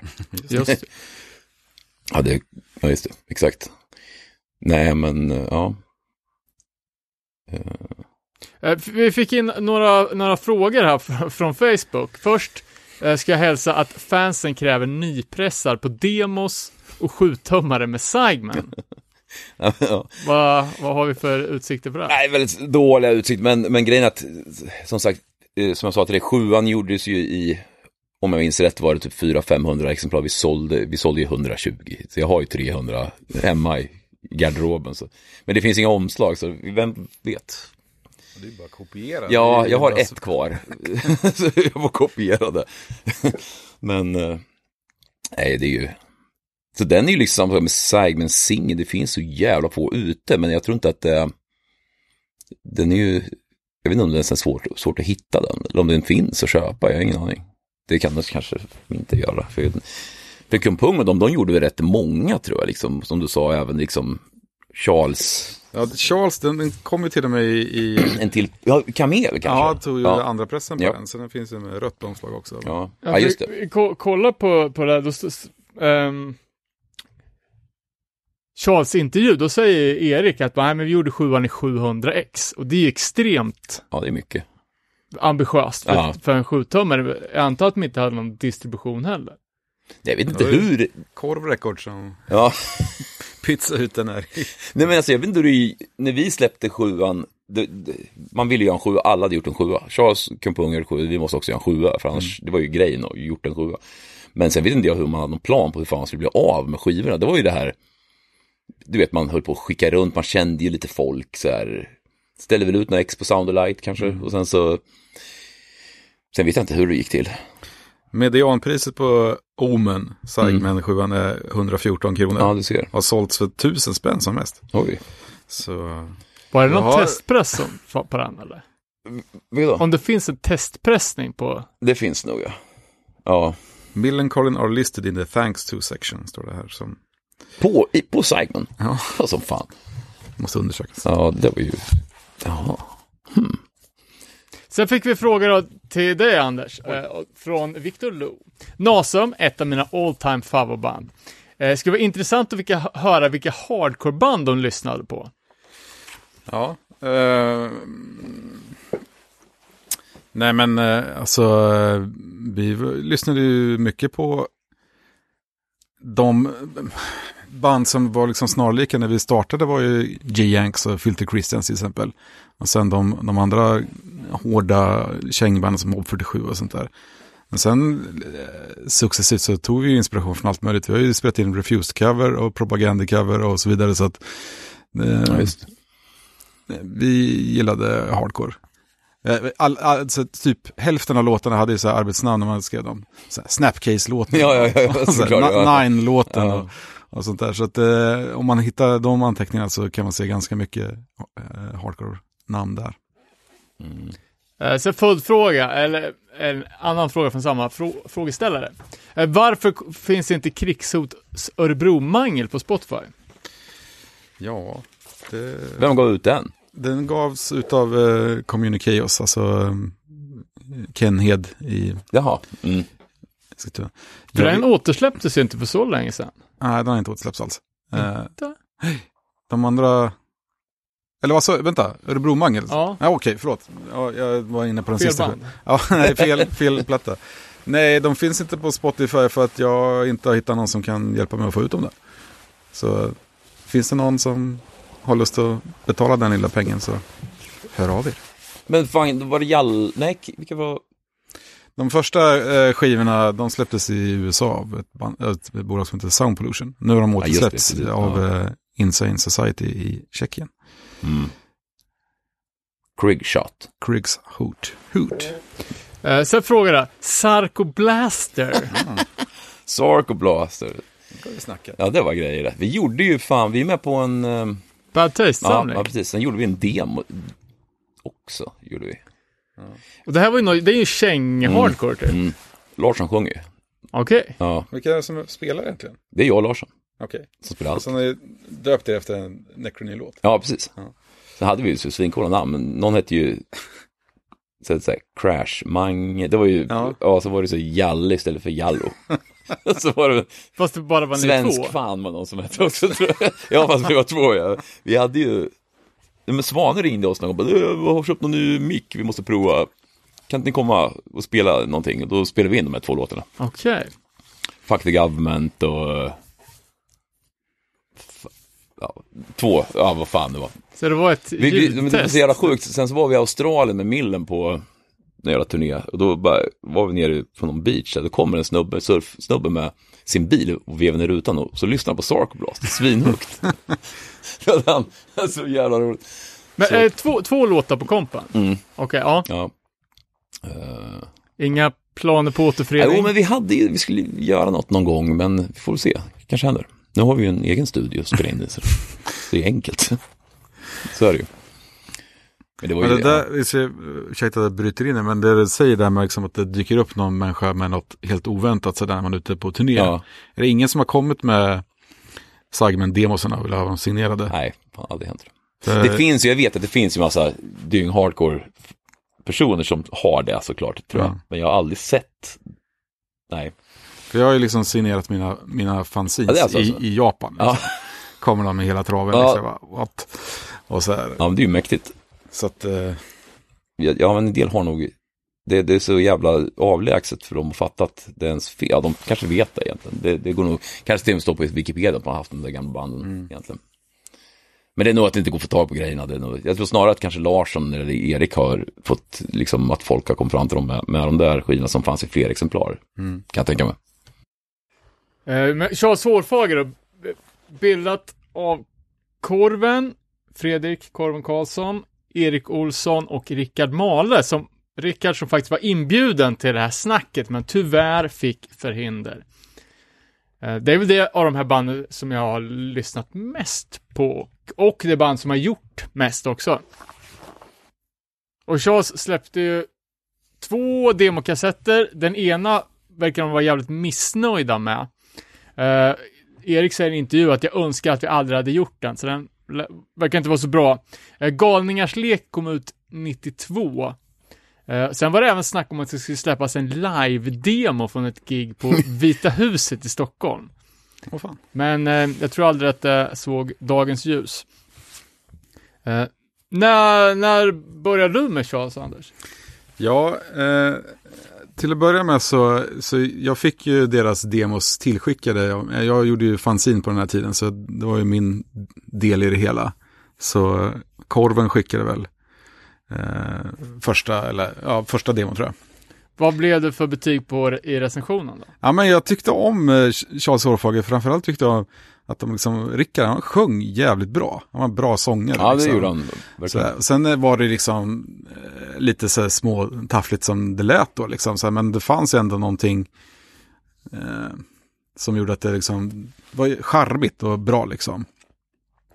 Sen, sen eh, flyttade de in i, min replokal. Och så, Rosa räcket eller? ja exakt. Jaha, Eh, just det jävlar. så, ehm, och då började jag tycka så här, vad fan, jag ser ju här på era demo eh, omslagen att det är ju Rickard som skriver låtarna liksom så här. Vad fan ska han sitta bakom trummorna och inte göra ett speciellt bra jobb? För han var inte lika bra trummis som han var sångare då. Så jag erbjöd mig att bli live-trummis till dem till att börja med. Och då hade de ju spelat in sin singel och eh, jag hittade omslaget till den. Alltså du spelar inte på sjuan då? Nej, jag spelade inte den. Nej. Och sen, jag var även med kör, skjutsade dem till Stockholm för masteringen. Det var första gången jag körde bil i Stockholm. Vilket jag, kan berätta en hel podd om det. eh, men sen började jag ju lira med dem och gjorde något debutgig då i Finspång. Som faktiskt finns på tejp, det är lite kul. På Rockbageriet eller? Ja, exakt. Eh, mitt eh, största bidrag till de gamla låtarna var att jag la in lite dubbla baskaggar här och där som Erik inte var riktigt nöjd med. Så det var, kom någon liten pik så här, "Jag kanske inte ska göra det. Okej, då skiter vi i det. Inte i punk, aldrig dubbla precis. Men tvärflöjt gick bra. Ja, t- Ja. var det så. Det var ju Charles Hårfagers USP. Ja, Eh. unique selling point. Ja, det- i, I vissa fall var det det, för att när vi skulle spela där i Täby, tror jag, i Vita villan, eller vad fan heter det, Vita huset, Mm. som Mart hade i DLK, så liksom propsade han på att nu måste vi spela med flöjt live, liksom. Så gjorde vi det. Alltså han stod med flöjten Ja, på visst alltså. det är. Jag spelar liksom, det är en sån slinga som går i början på någon låt. Liksom. Hade han liksom ett case eller något där han kunde stoppa ner när det var klart? Ja, något stativ av något Ja. tror jag. Så. Det var svårt när, han- på den tiden när han lirade trummor och köra Ja, det, då var det nog. Jag tror att det skit. Jag vet Erik berättade om att du fått med sig från plugget någon sån här, för han skulle kunna sjunga så hade han som en jävla klyka bakom nacken, så micken hängde här. Ja, Det var ju före headsetens Ja. tid. Herregud. Ja. Nej, men sen, eh, jag tror väl att det var ungefär då när jag gick med som det började liksom bli mer ut, utomstadsspelningar för Charles och även för de andra Örebrobanden också. Ni, ni sa ni gjorde bara en med Sagmen. Ja, precis. Pung var ute lite vet jag. Ja, men det var ju, det fanns ju, i Svärtinge Ja, det, det var det ju skitmycket gigs. Det var ju, vi lirade med Millen flera gånger, även med, vi spelade nog fan med Saigmen där också när jag tänker efter. Vart lirar det? Det ligger vid Norrköping. Norrköping där, det var jävla mycket, vi fan vi åkte dit mycket. Kung Pung spelade flera gånger, vi var där, vi spelade med DLK någon gång. Ja, det var, de hade en bra, det var någon som ordnade där liksom. Ja, men det, jo, det, det var väl han ehm, Just ja, precis. Han hade nog, Olof Wiksten, vet du, Wikström. men hade han- han något skivbolag? Liksom, Ja, Där de vi- släppte ju den där Köplustan. Exakt, exakt, En det stämmer bra. Stämmer bra. Samling. Ja, sam, stämmer. För sen såg jag att den där, vad he- heter den här nu då? Heter det Svält och nöd? I Svält och nöd, just det. Eh, Den var inspelad i Studio Osram i Rejmyre. Det låter helt påhittat, men det var tydligen en riktig plats. Nej, nej, nej. Det, det, jag vet inte varför det står så. Det är ju hos Don Svanö.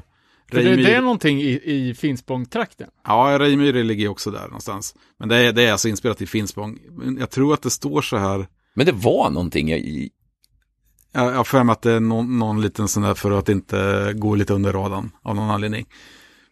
För att inte avslöja bästa studion i närområdet. Ja, men äh, kanske någonting med hur han fick betalt för den där spelningen, inspelningen. Just det, Något- Men något när, sånt. när, du spelade inte trumma på den där då? Nej. Så, när fan är den inspelad den där då? Det, För det- det- 90, eh, augusti 92. Ja, det är så sent. Ja. Augusti? ja, det är inspelad av Ernst Luma. Var också Såklart. Luma och Osram ju, för de som kan glödlampor, lite bekanta ord. Augusti, ja just det, då spel, du spelade inte heller när Charles spelade på Talangen då? Nej, Nej, det var precis. ju innan Mm. det där. Exakt.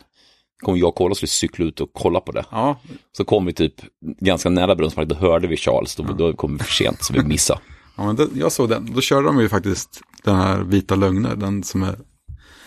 Och det var ju en riktig jävla dänga Ja, liksom. mm.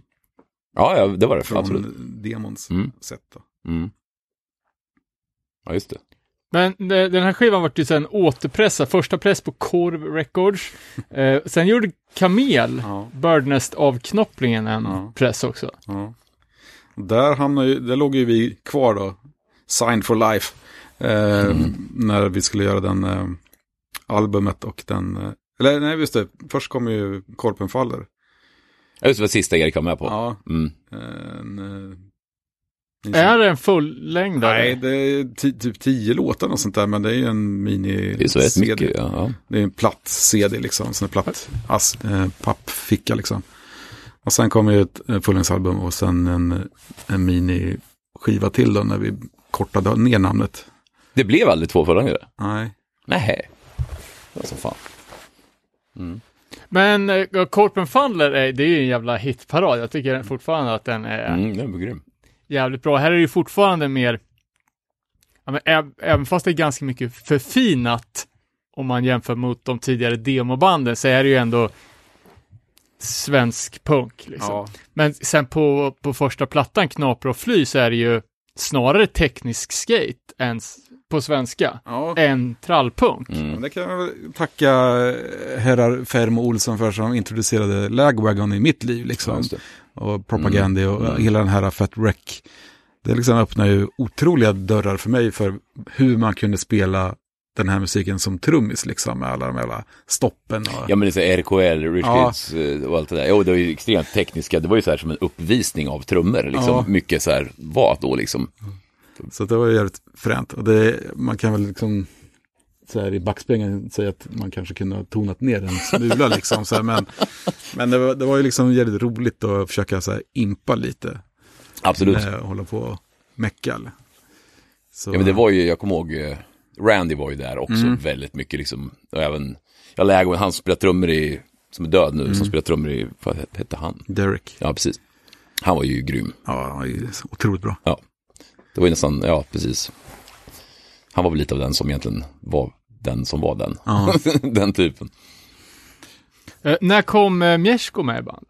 Mjersko kom med eh, mellan eh, Korpen faller och Knapar och fly. Eh, och vi gjorde en så här grej av det, för, för Erik hade ju sagt så här att han, ja, men jag, vi ska, jag ska satsa på Millencolin så här. Och eh, vi hade liksom bestämt att Merska skulle gå med. Och så hade vi ett gig på, Just det, minns jag det. på Stora Hotellet här i stan. Det var eh, släppfest för en lokal samlingsskiva som heter 56 minutes. Som vi hade spelat in några låtar till.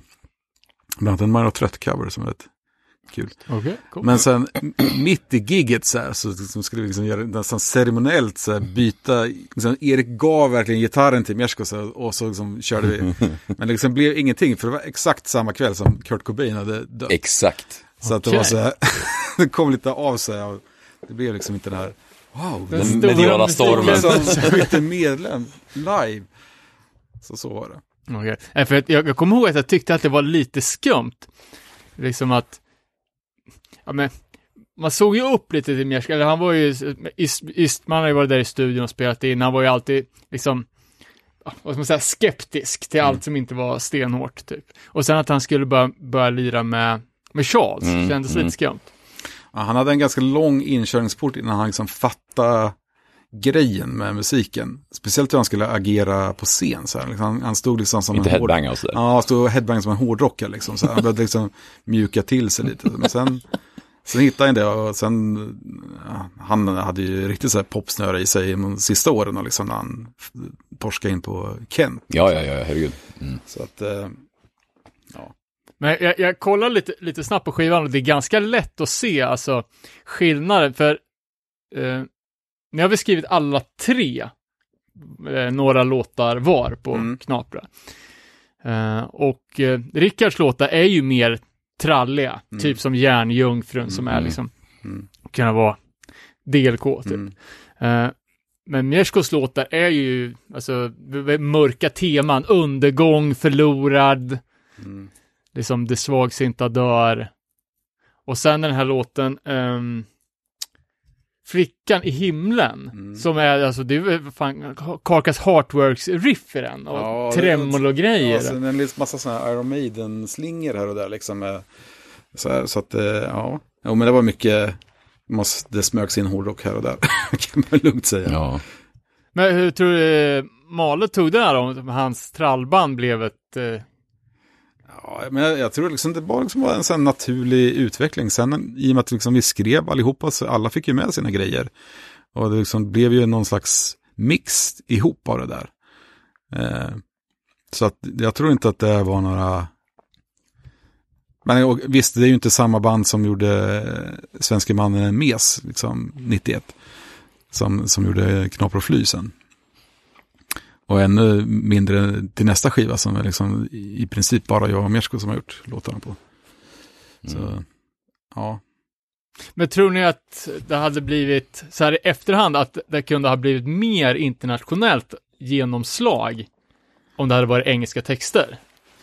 Tänkte ni sjunga på engelska där någonting? Nej, jag vet inte. Alltså, det, det sista som vi gjorde som aldrig liksom blev dokumenterat i en riktig inspelning, där var det liksom fortfarande svenska texter, men musikaliskt hade vi liksom gått mer mot någon slags Quicksand, Smashing Pumpkins variant Okej. liksom. Tag, och så här, Star Market, den typen av liksom hardcore-inspirerad annan musik kan man väl säga. Så att, så att det kunde kanske ha blivit en, en, en eh, kanske större genomslag i Sverige på något sätt. Men var, jag tror inte att det fanns liksom på kartan att det skulle bli något på engelska direkt. Ja, för jag känner att det skulle kunna vara ett fett släpp Mm. Jo, men det, med liksom Ja, låtkvaliteterna, men att det är lite för smalt annars. Ja. Nej, men det, det var ju liksom mycket den inspirationen. Så det blev ju som ett, eh, en sån skatepunk på svenska. Eller skatepunk, men i alla fall den, den eh, Mm. ja, just Fat Wreck-banden var ju ganska betydande där under en period. Men det var ju ändå så här, så fort det var på svenska så blev det trallpunk i alla liksom, sammanhang. Ja, Det var ju lite besvärligt för jag gillade aldrig den stämpeln. Nej, det är väldigt få som gör det. Den är lite så här, ah, Nej, men det var ju den man ville komma bort ifrån Ja. hela tiden så på något jag, jag sätt. fattar ju det liksom med, med Millencolin, att- för ni blir ju aldrig kallade för det liksom. Nej. Nej, men sen är det ju, det är bara trams att man tänkte så såklart. Mm. För att jag menar, det är ju, det är väl ingen som spelade i de banden som kallas själv för trallpunkare. Egentligen, det var ju punk, liksom, vad det nu var. Men eh, trallpunk, var- ja, Mm. väldigt lätt punk då. Men hur, gjorde ni mycket spelningar, liksom reste runt? Var det några turnéer? Ja, det var väldigt mycket så här helg, åka någonstans eh, på en helg sådär. Sen rent turnémässigt så är det ju bara den legendariska Skåneturnén, Millencolin och jävlar. Charles, ja, ja, för fan. som eh, resulterade i, Åstorp på Hässleholm. ja, som resulterade i texten Leona. i exakt, exakt. Ja, fy fan. Det var en, och det, där finns det ju, man skulle kunna ta en podd om den turnén. Ja, Kommer du ihåg vad som hände när vi stannade och käkade lunch? nej. Mjersko drack Ja, tabasco. ja, Mjersko Tabasco, han skulle dra i sig en hel jävla flaska Tabasco för han. Han blev utmanad typ. Jag bara, Då Ja, är Tabasco inget starkt. Nej, precis. Och så satt han liksom salivera i resten av resan. Det bara rann liksom så här. Men Så- då, ja just det, det var Och ja sen men blev det inbrott så att stals Mjerskos gitarr, eh, exakt. halva eh, Kolas skateboard för han hade Ja, skruvat av ja, ja, jävlar. massa pengar, skit, skivor. Men Hässleholm kom det ju inte en person. Nej, Det var ju ingen som kom. De fick ju bjuda in folk från en jävla fritidsgård så kom det några. två tror jag. Ja. Det var jävla konstigt. Kom. För sen i Åstorp var det ju faktiskt, då var det ju typ så här 70 pers eller någonting. Ja, I alla fall. Scenen i Hässleholm hade inte hänt än. nej precis. Ja, för fan, det var en, det var ju bara, ja, det var en två gigs turné då. Ja, så, men vi gjorde någon annan sån där uh, Skåne-grej ensam också, utan Millencolin. Då gick det lite bättre. Då spelade vi i någon sån här idrottshall för några skolungdomar. Ja, men ni spelar även på uh, Åland. Kamikaze Rock, eller fan det i Hova. Ja, just det. Där spelade vi, vi var ju på, vi spelade ju dagen före på, vad heter det, alltså Millen då, på eh, Dalarocken.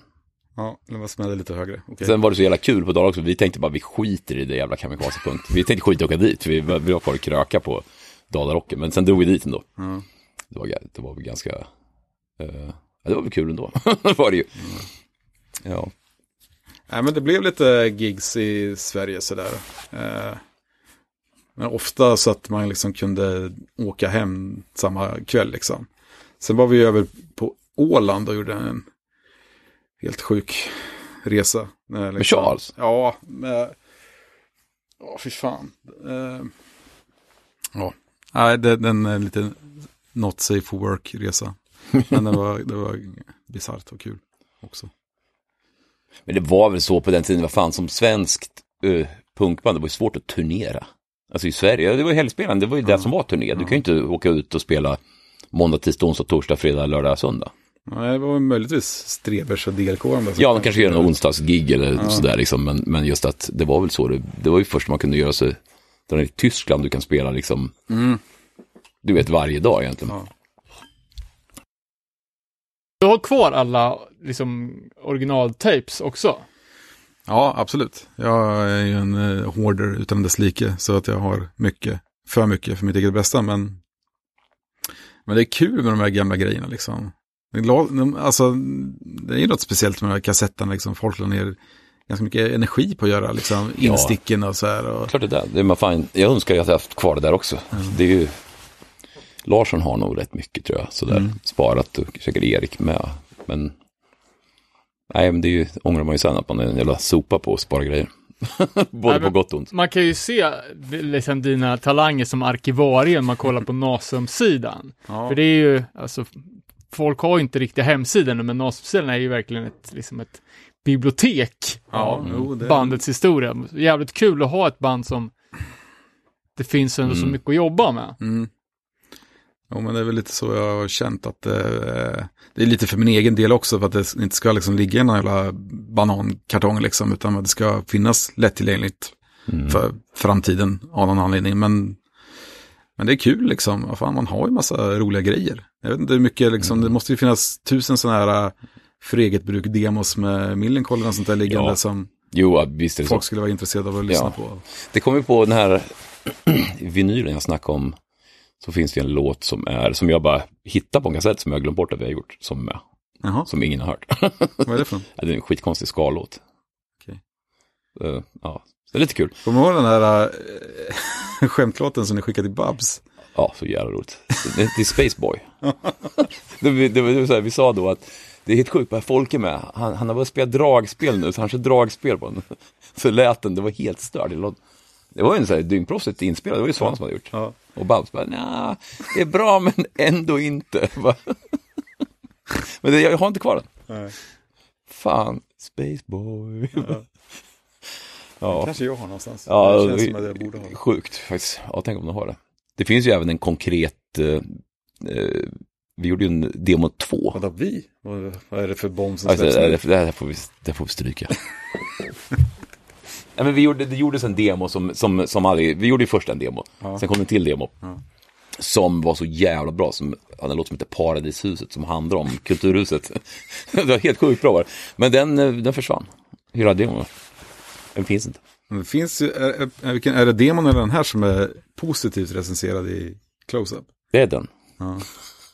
Det, det, men det, det stod ju att det är Och den är ju då konkret piket eh, sjuan.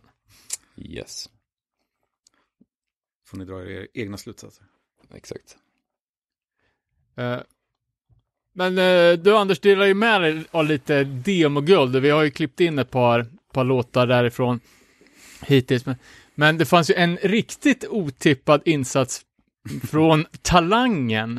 Eh, där Millencolin kört tillsammans med en, ja, det är väl rapartist, eller vad? Bad Taste. ja. Bad Taste, en Yes. split-framträdande. Exakt, det var ju lite crossover-musik om man säger då. De rappar och vi There's no, no use heter låten. Mm. Ja, men då, det var ju, det, vi hade som framgång då, för det, det var ju helt sjukt så här, vi, vi vann ju Talangen då. Alltså den deltävlingen med den här låten då. Den, de spelade den på radio, lokalradio, kommer mm. det var, vilket var skitstort. Och sen blev det final, då kom ju han, eh, Keno-gubben dit, Tommy, Ja. Keino. Och då satte de upp som en grej på scen så man fick kasta en cardboardboll och så kunde man vinna trisslotter. Och vi träffade ju i mitten så vi vann, fan om det var 30 trisslotter. Så vi var helt övertygade om att vi skulle bli miljonärer. Skrapade de där jävla lotterna i logen och eh, räckte till att köpa en platta bärs. kommer jag ihåg. 100 spänn vann vi. Sen kom vi sist tror jag i, i finalen. Men, nej men det var ju så här, vi hade ju planer och den här skulle vi, vi skulle spela in den på riktigt tänkte vi, och Svanar och släppa den på en sjua och typ så här, men sen var det väl kanske inte lika bra som vi, som vi trodde. Alltså, jag tycker faktiskt att den, den håller ju liksom. Det är ju ingen dålig låt. Jag vet ju att ni liksom slängde ihop den ganska Ja, ja. snabbt. ja, Liksom. ja. Men Så- de rappar ju, det, det var ju rätt bra rap. Ja, det är inte dåligt. Nej, nej. Liksom. Den finns ju bara, den finns ju faktiskt i en, en upptagen från Talangen. Mm. Den låter rätt proffsigt liksom så här. Alltså inspelad för radio då med, eh, som, det gick väl ut live tror jag i radio det där. Mm. Hej på er allihopa! Hej! Du hör att det är ett helt gäng, massor, en, två, tre, fyra, fem, sex, sju, åtta. Tolv säger jag. Åtta stycken är det faktiskt. Vad heter ni då? Rickard Andersson. Ja, då ska vi ta namnen. Det var inte det jag tänkte på i och för sig, men okej, presentera er. Larsson. Ja, jag vet inte. Nej, vi tar istället vad er grupp heter. Va, uh, Bad Taste Millencolin. Eller det, det är två band som är ett band. Och det var väldigt långt namn måste jag säga. Det är liksom en sammanslagning av två grupper. Vi har gått tillsammans och gjort ett projekt så att säga. Är det just inför det här tillfället alltså? Ja, exakt. Eller vi har spelat ihop en gång förut. På en spelning i Vivalla. En gång förut i en spelning i Vivalla. Jaha, vad spelar ni för sorts musik? Jag kan i och för sig gissa mig till det när jag ser på eran, eh, om man säger, klädstil och sådär. Ja, jag gissar på hiphop. Ja, det stämmer ganska bra. Med lite influenser av US Hardcore och det hållet. Bad Taste Millencolins. Varsågoda.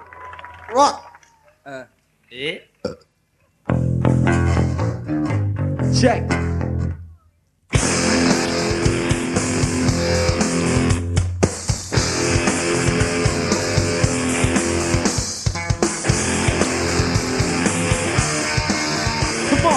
On, return from the rap team, and I trust this. It's a fake of poetic justice. One to the nine, to the to the. It's on and I want respect, so give me. Some might say we have sold up. Some because the Melancholy brothers that joined us. Sucker, we do like this and we have done before. Together with the MC, we're going out hardcore. The crew's not caught with a melancholy bass. Full of snap and I tied the shoelace. Some rubber techniques that I handle so well. The beats and the boots ain't the time to sell. From the right angle, from another angle with a new technique. Using no samples, hard cuts. Yeah, this is the. Here comes the chorus in my main message. Here comes the chorus in my main message. Know your friend. Sensation. Color sword. New combination. Color sword. Dirty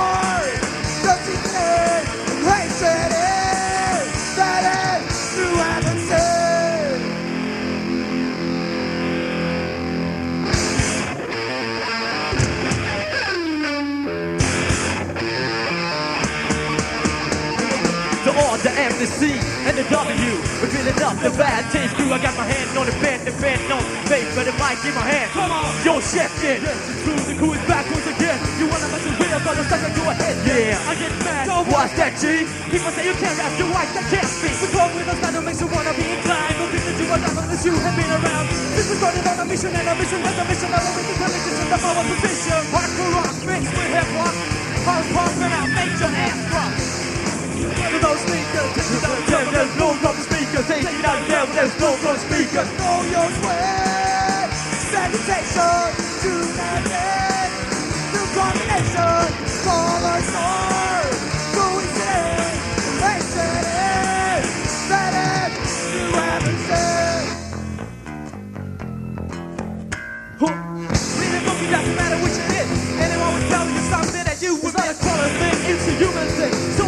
One, two, the noise we bring. Back with a big glass of juice. Coming straight on the music itself. You get it wrecked by the track by the BTC. I pass the mic to the scene. What's up, that's me. Come on. Black pretty right. And the white with just true believers. So that's the kid's dream. Like true believers. So that's the kid's dream. Know your way.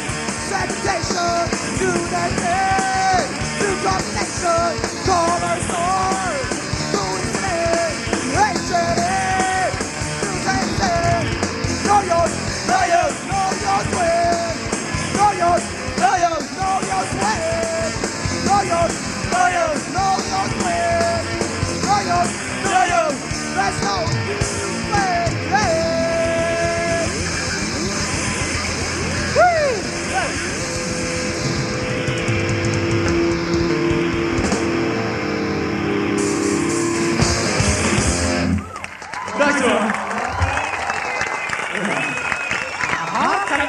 Liten publikfavorit kanske här då? då?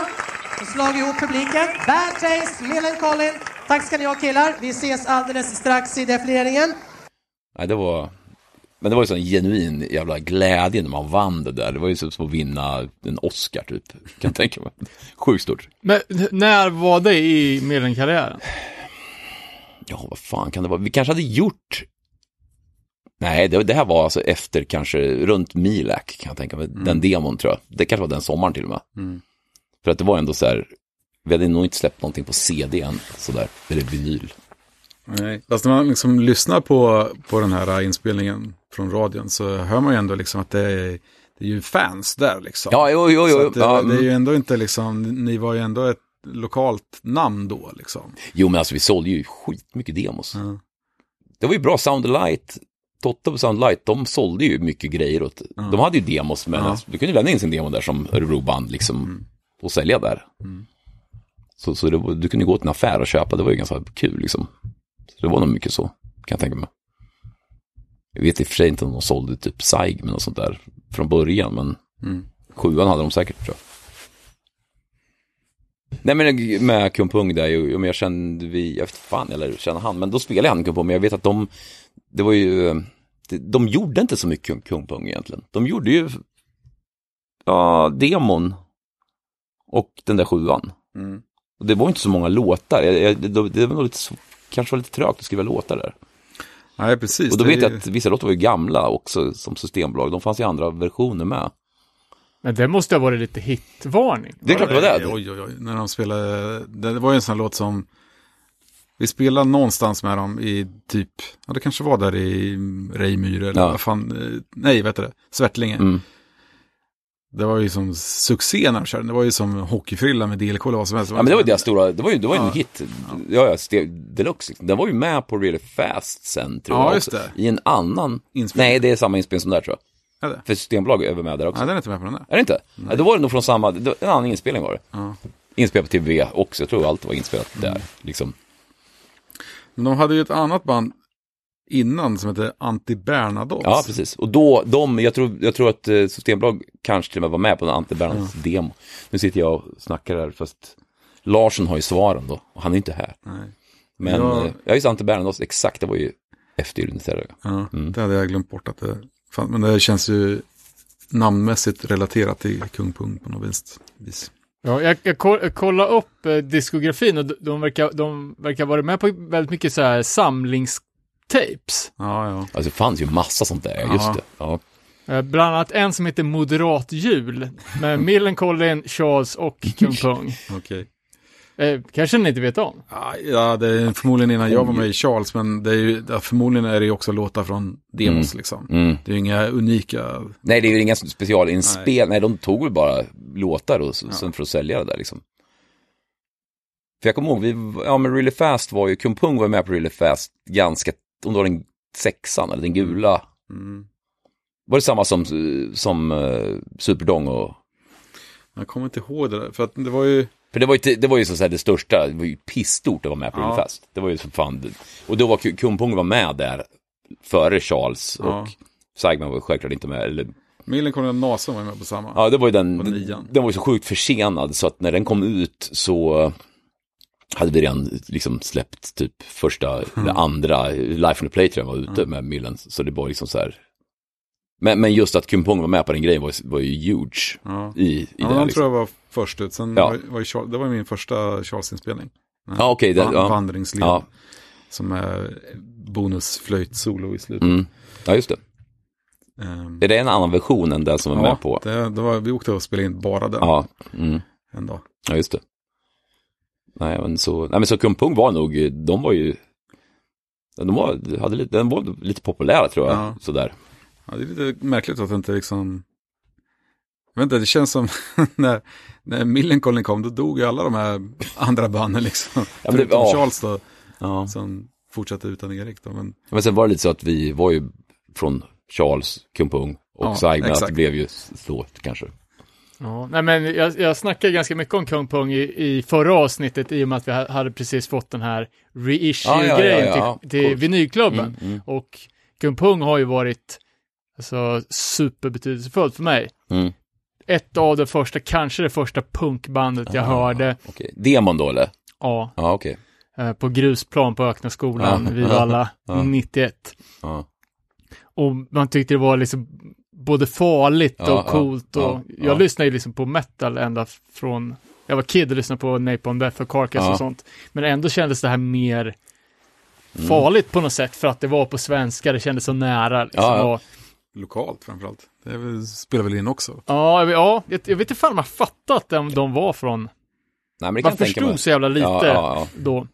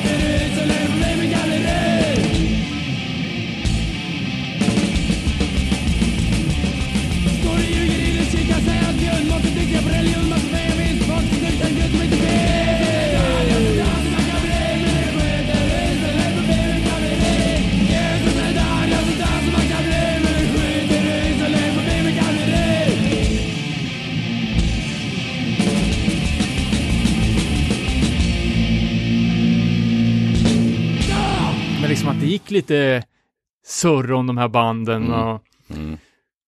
och mycket rykten liksom om, vad fan, ja men, Ja, men jag förstår. Det är liksom, nej, ja. Nej, men det var ju lite så när man började spela punk, sen när jag var på de här första gigsen, innan jag själv spelade, det var ju helt, det var ju nästan lite så här, som du säger, men lite så här farligt. Det, det var ju, det var jävligt mäktigt var det. Även fast var det ju på ren jävla demonivå liksom. Fast det var det ju inte för mig, när jag såg det där liksom. Det är ju, ja, live-musik liksom. Jävligt mäktigt.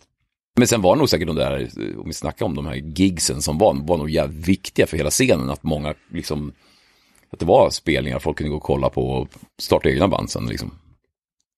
Av det där liksom.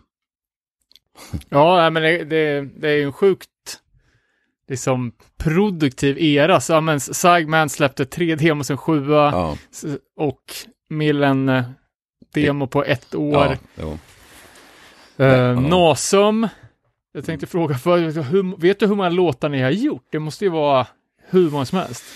Ja, det går ju att räkna ut, men eh, någonstans runt 250. Det är ju 156 tror jag på den här samlingen som Ja. har allt utom albumen. Ja, eh, precis. Ja, mm.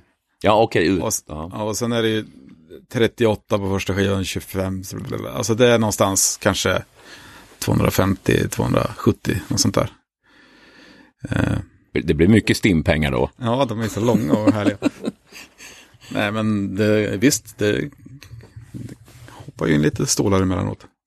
Det roligaste är när man får de här Spotify-avräkningarna. Ja. Det är ju rena skämten. Men... Jo, det är ju, ja.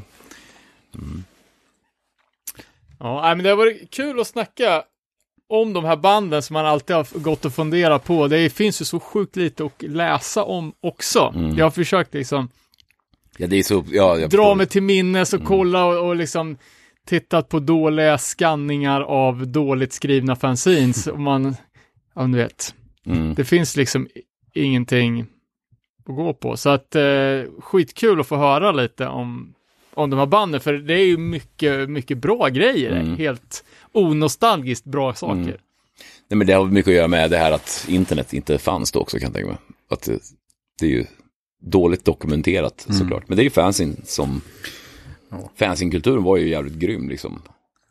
Vi får passa på att be om ursäkt till alla de lokala punkband som vi inte har nämnt här. Ja, som vi vara. har glömt bort eller inte kände till. För att det fanns förmodligen fler än de vi har nämnt. Ja, det var väl de som rörde sig i våran sfär Ja. som...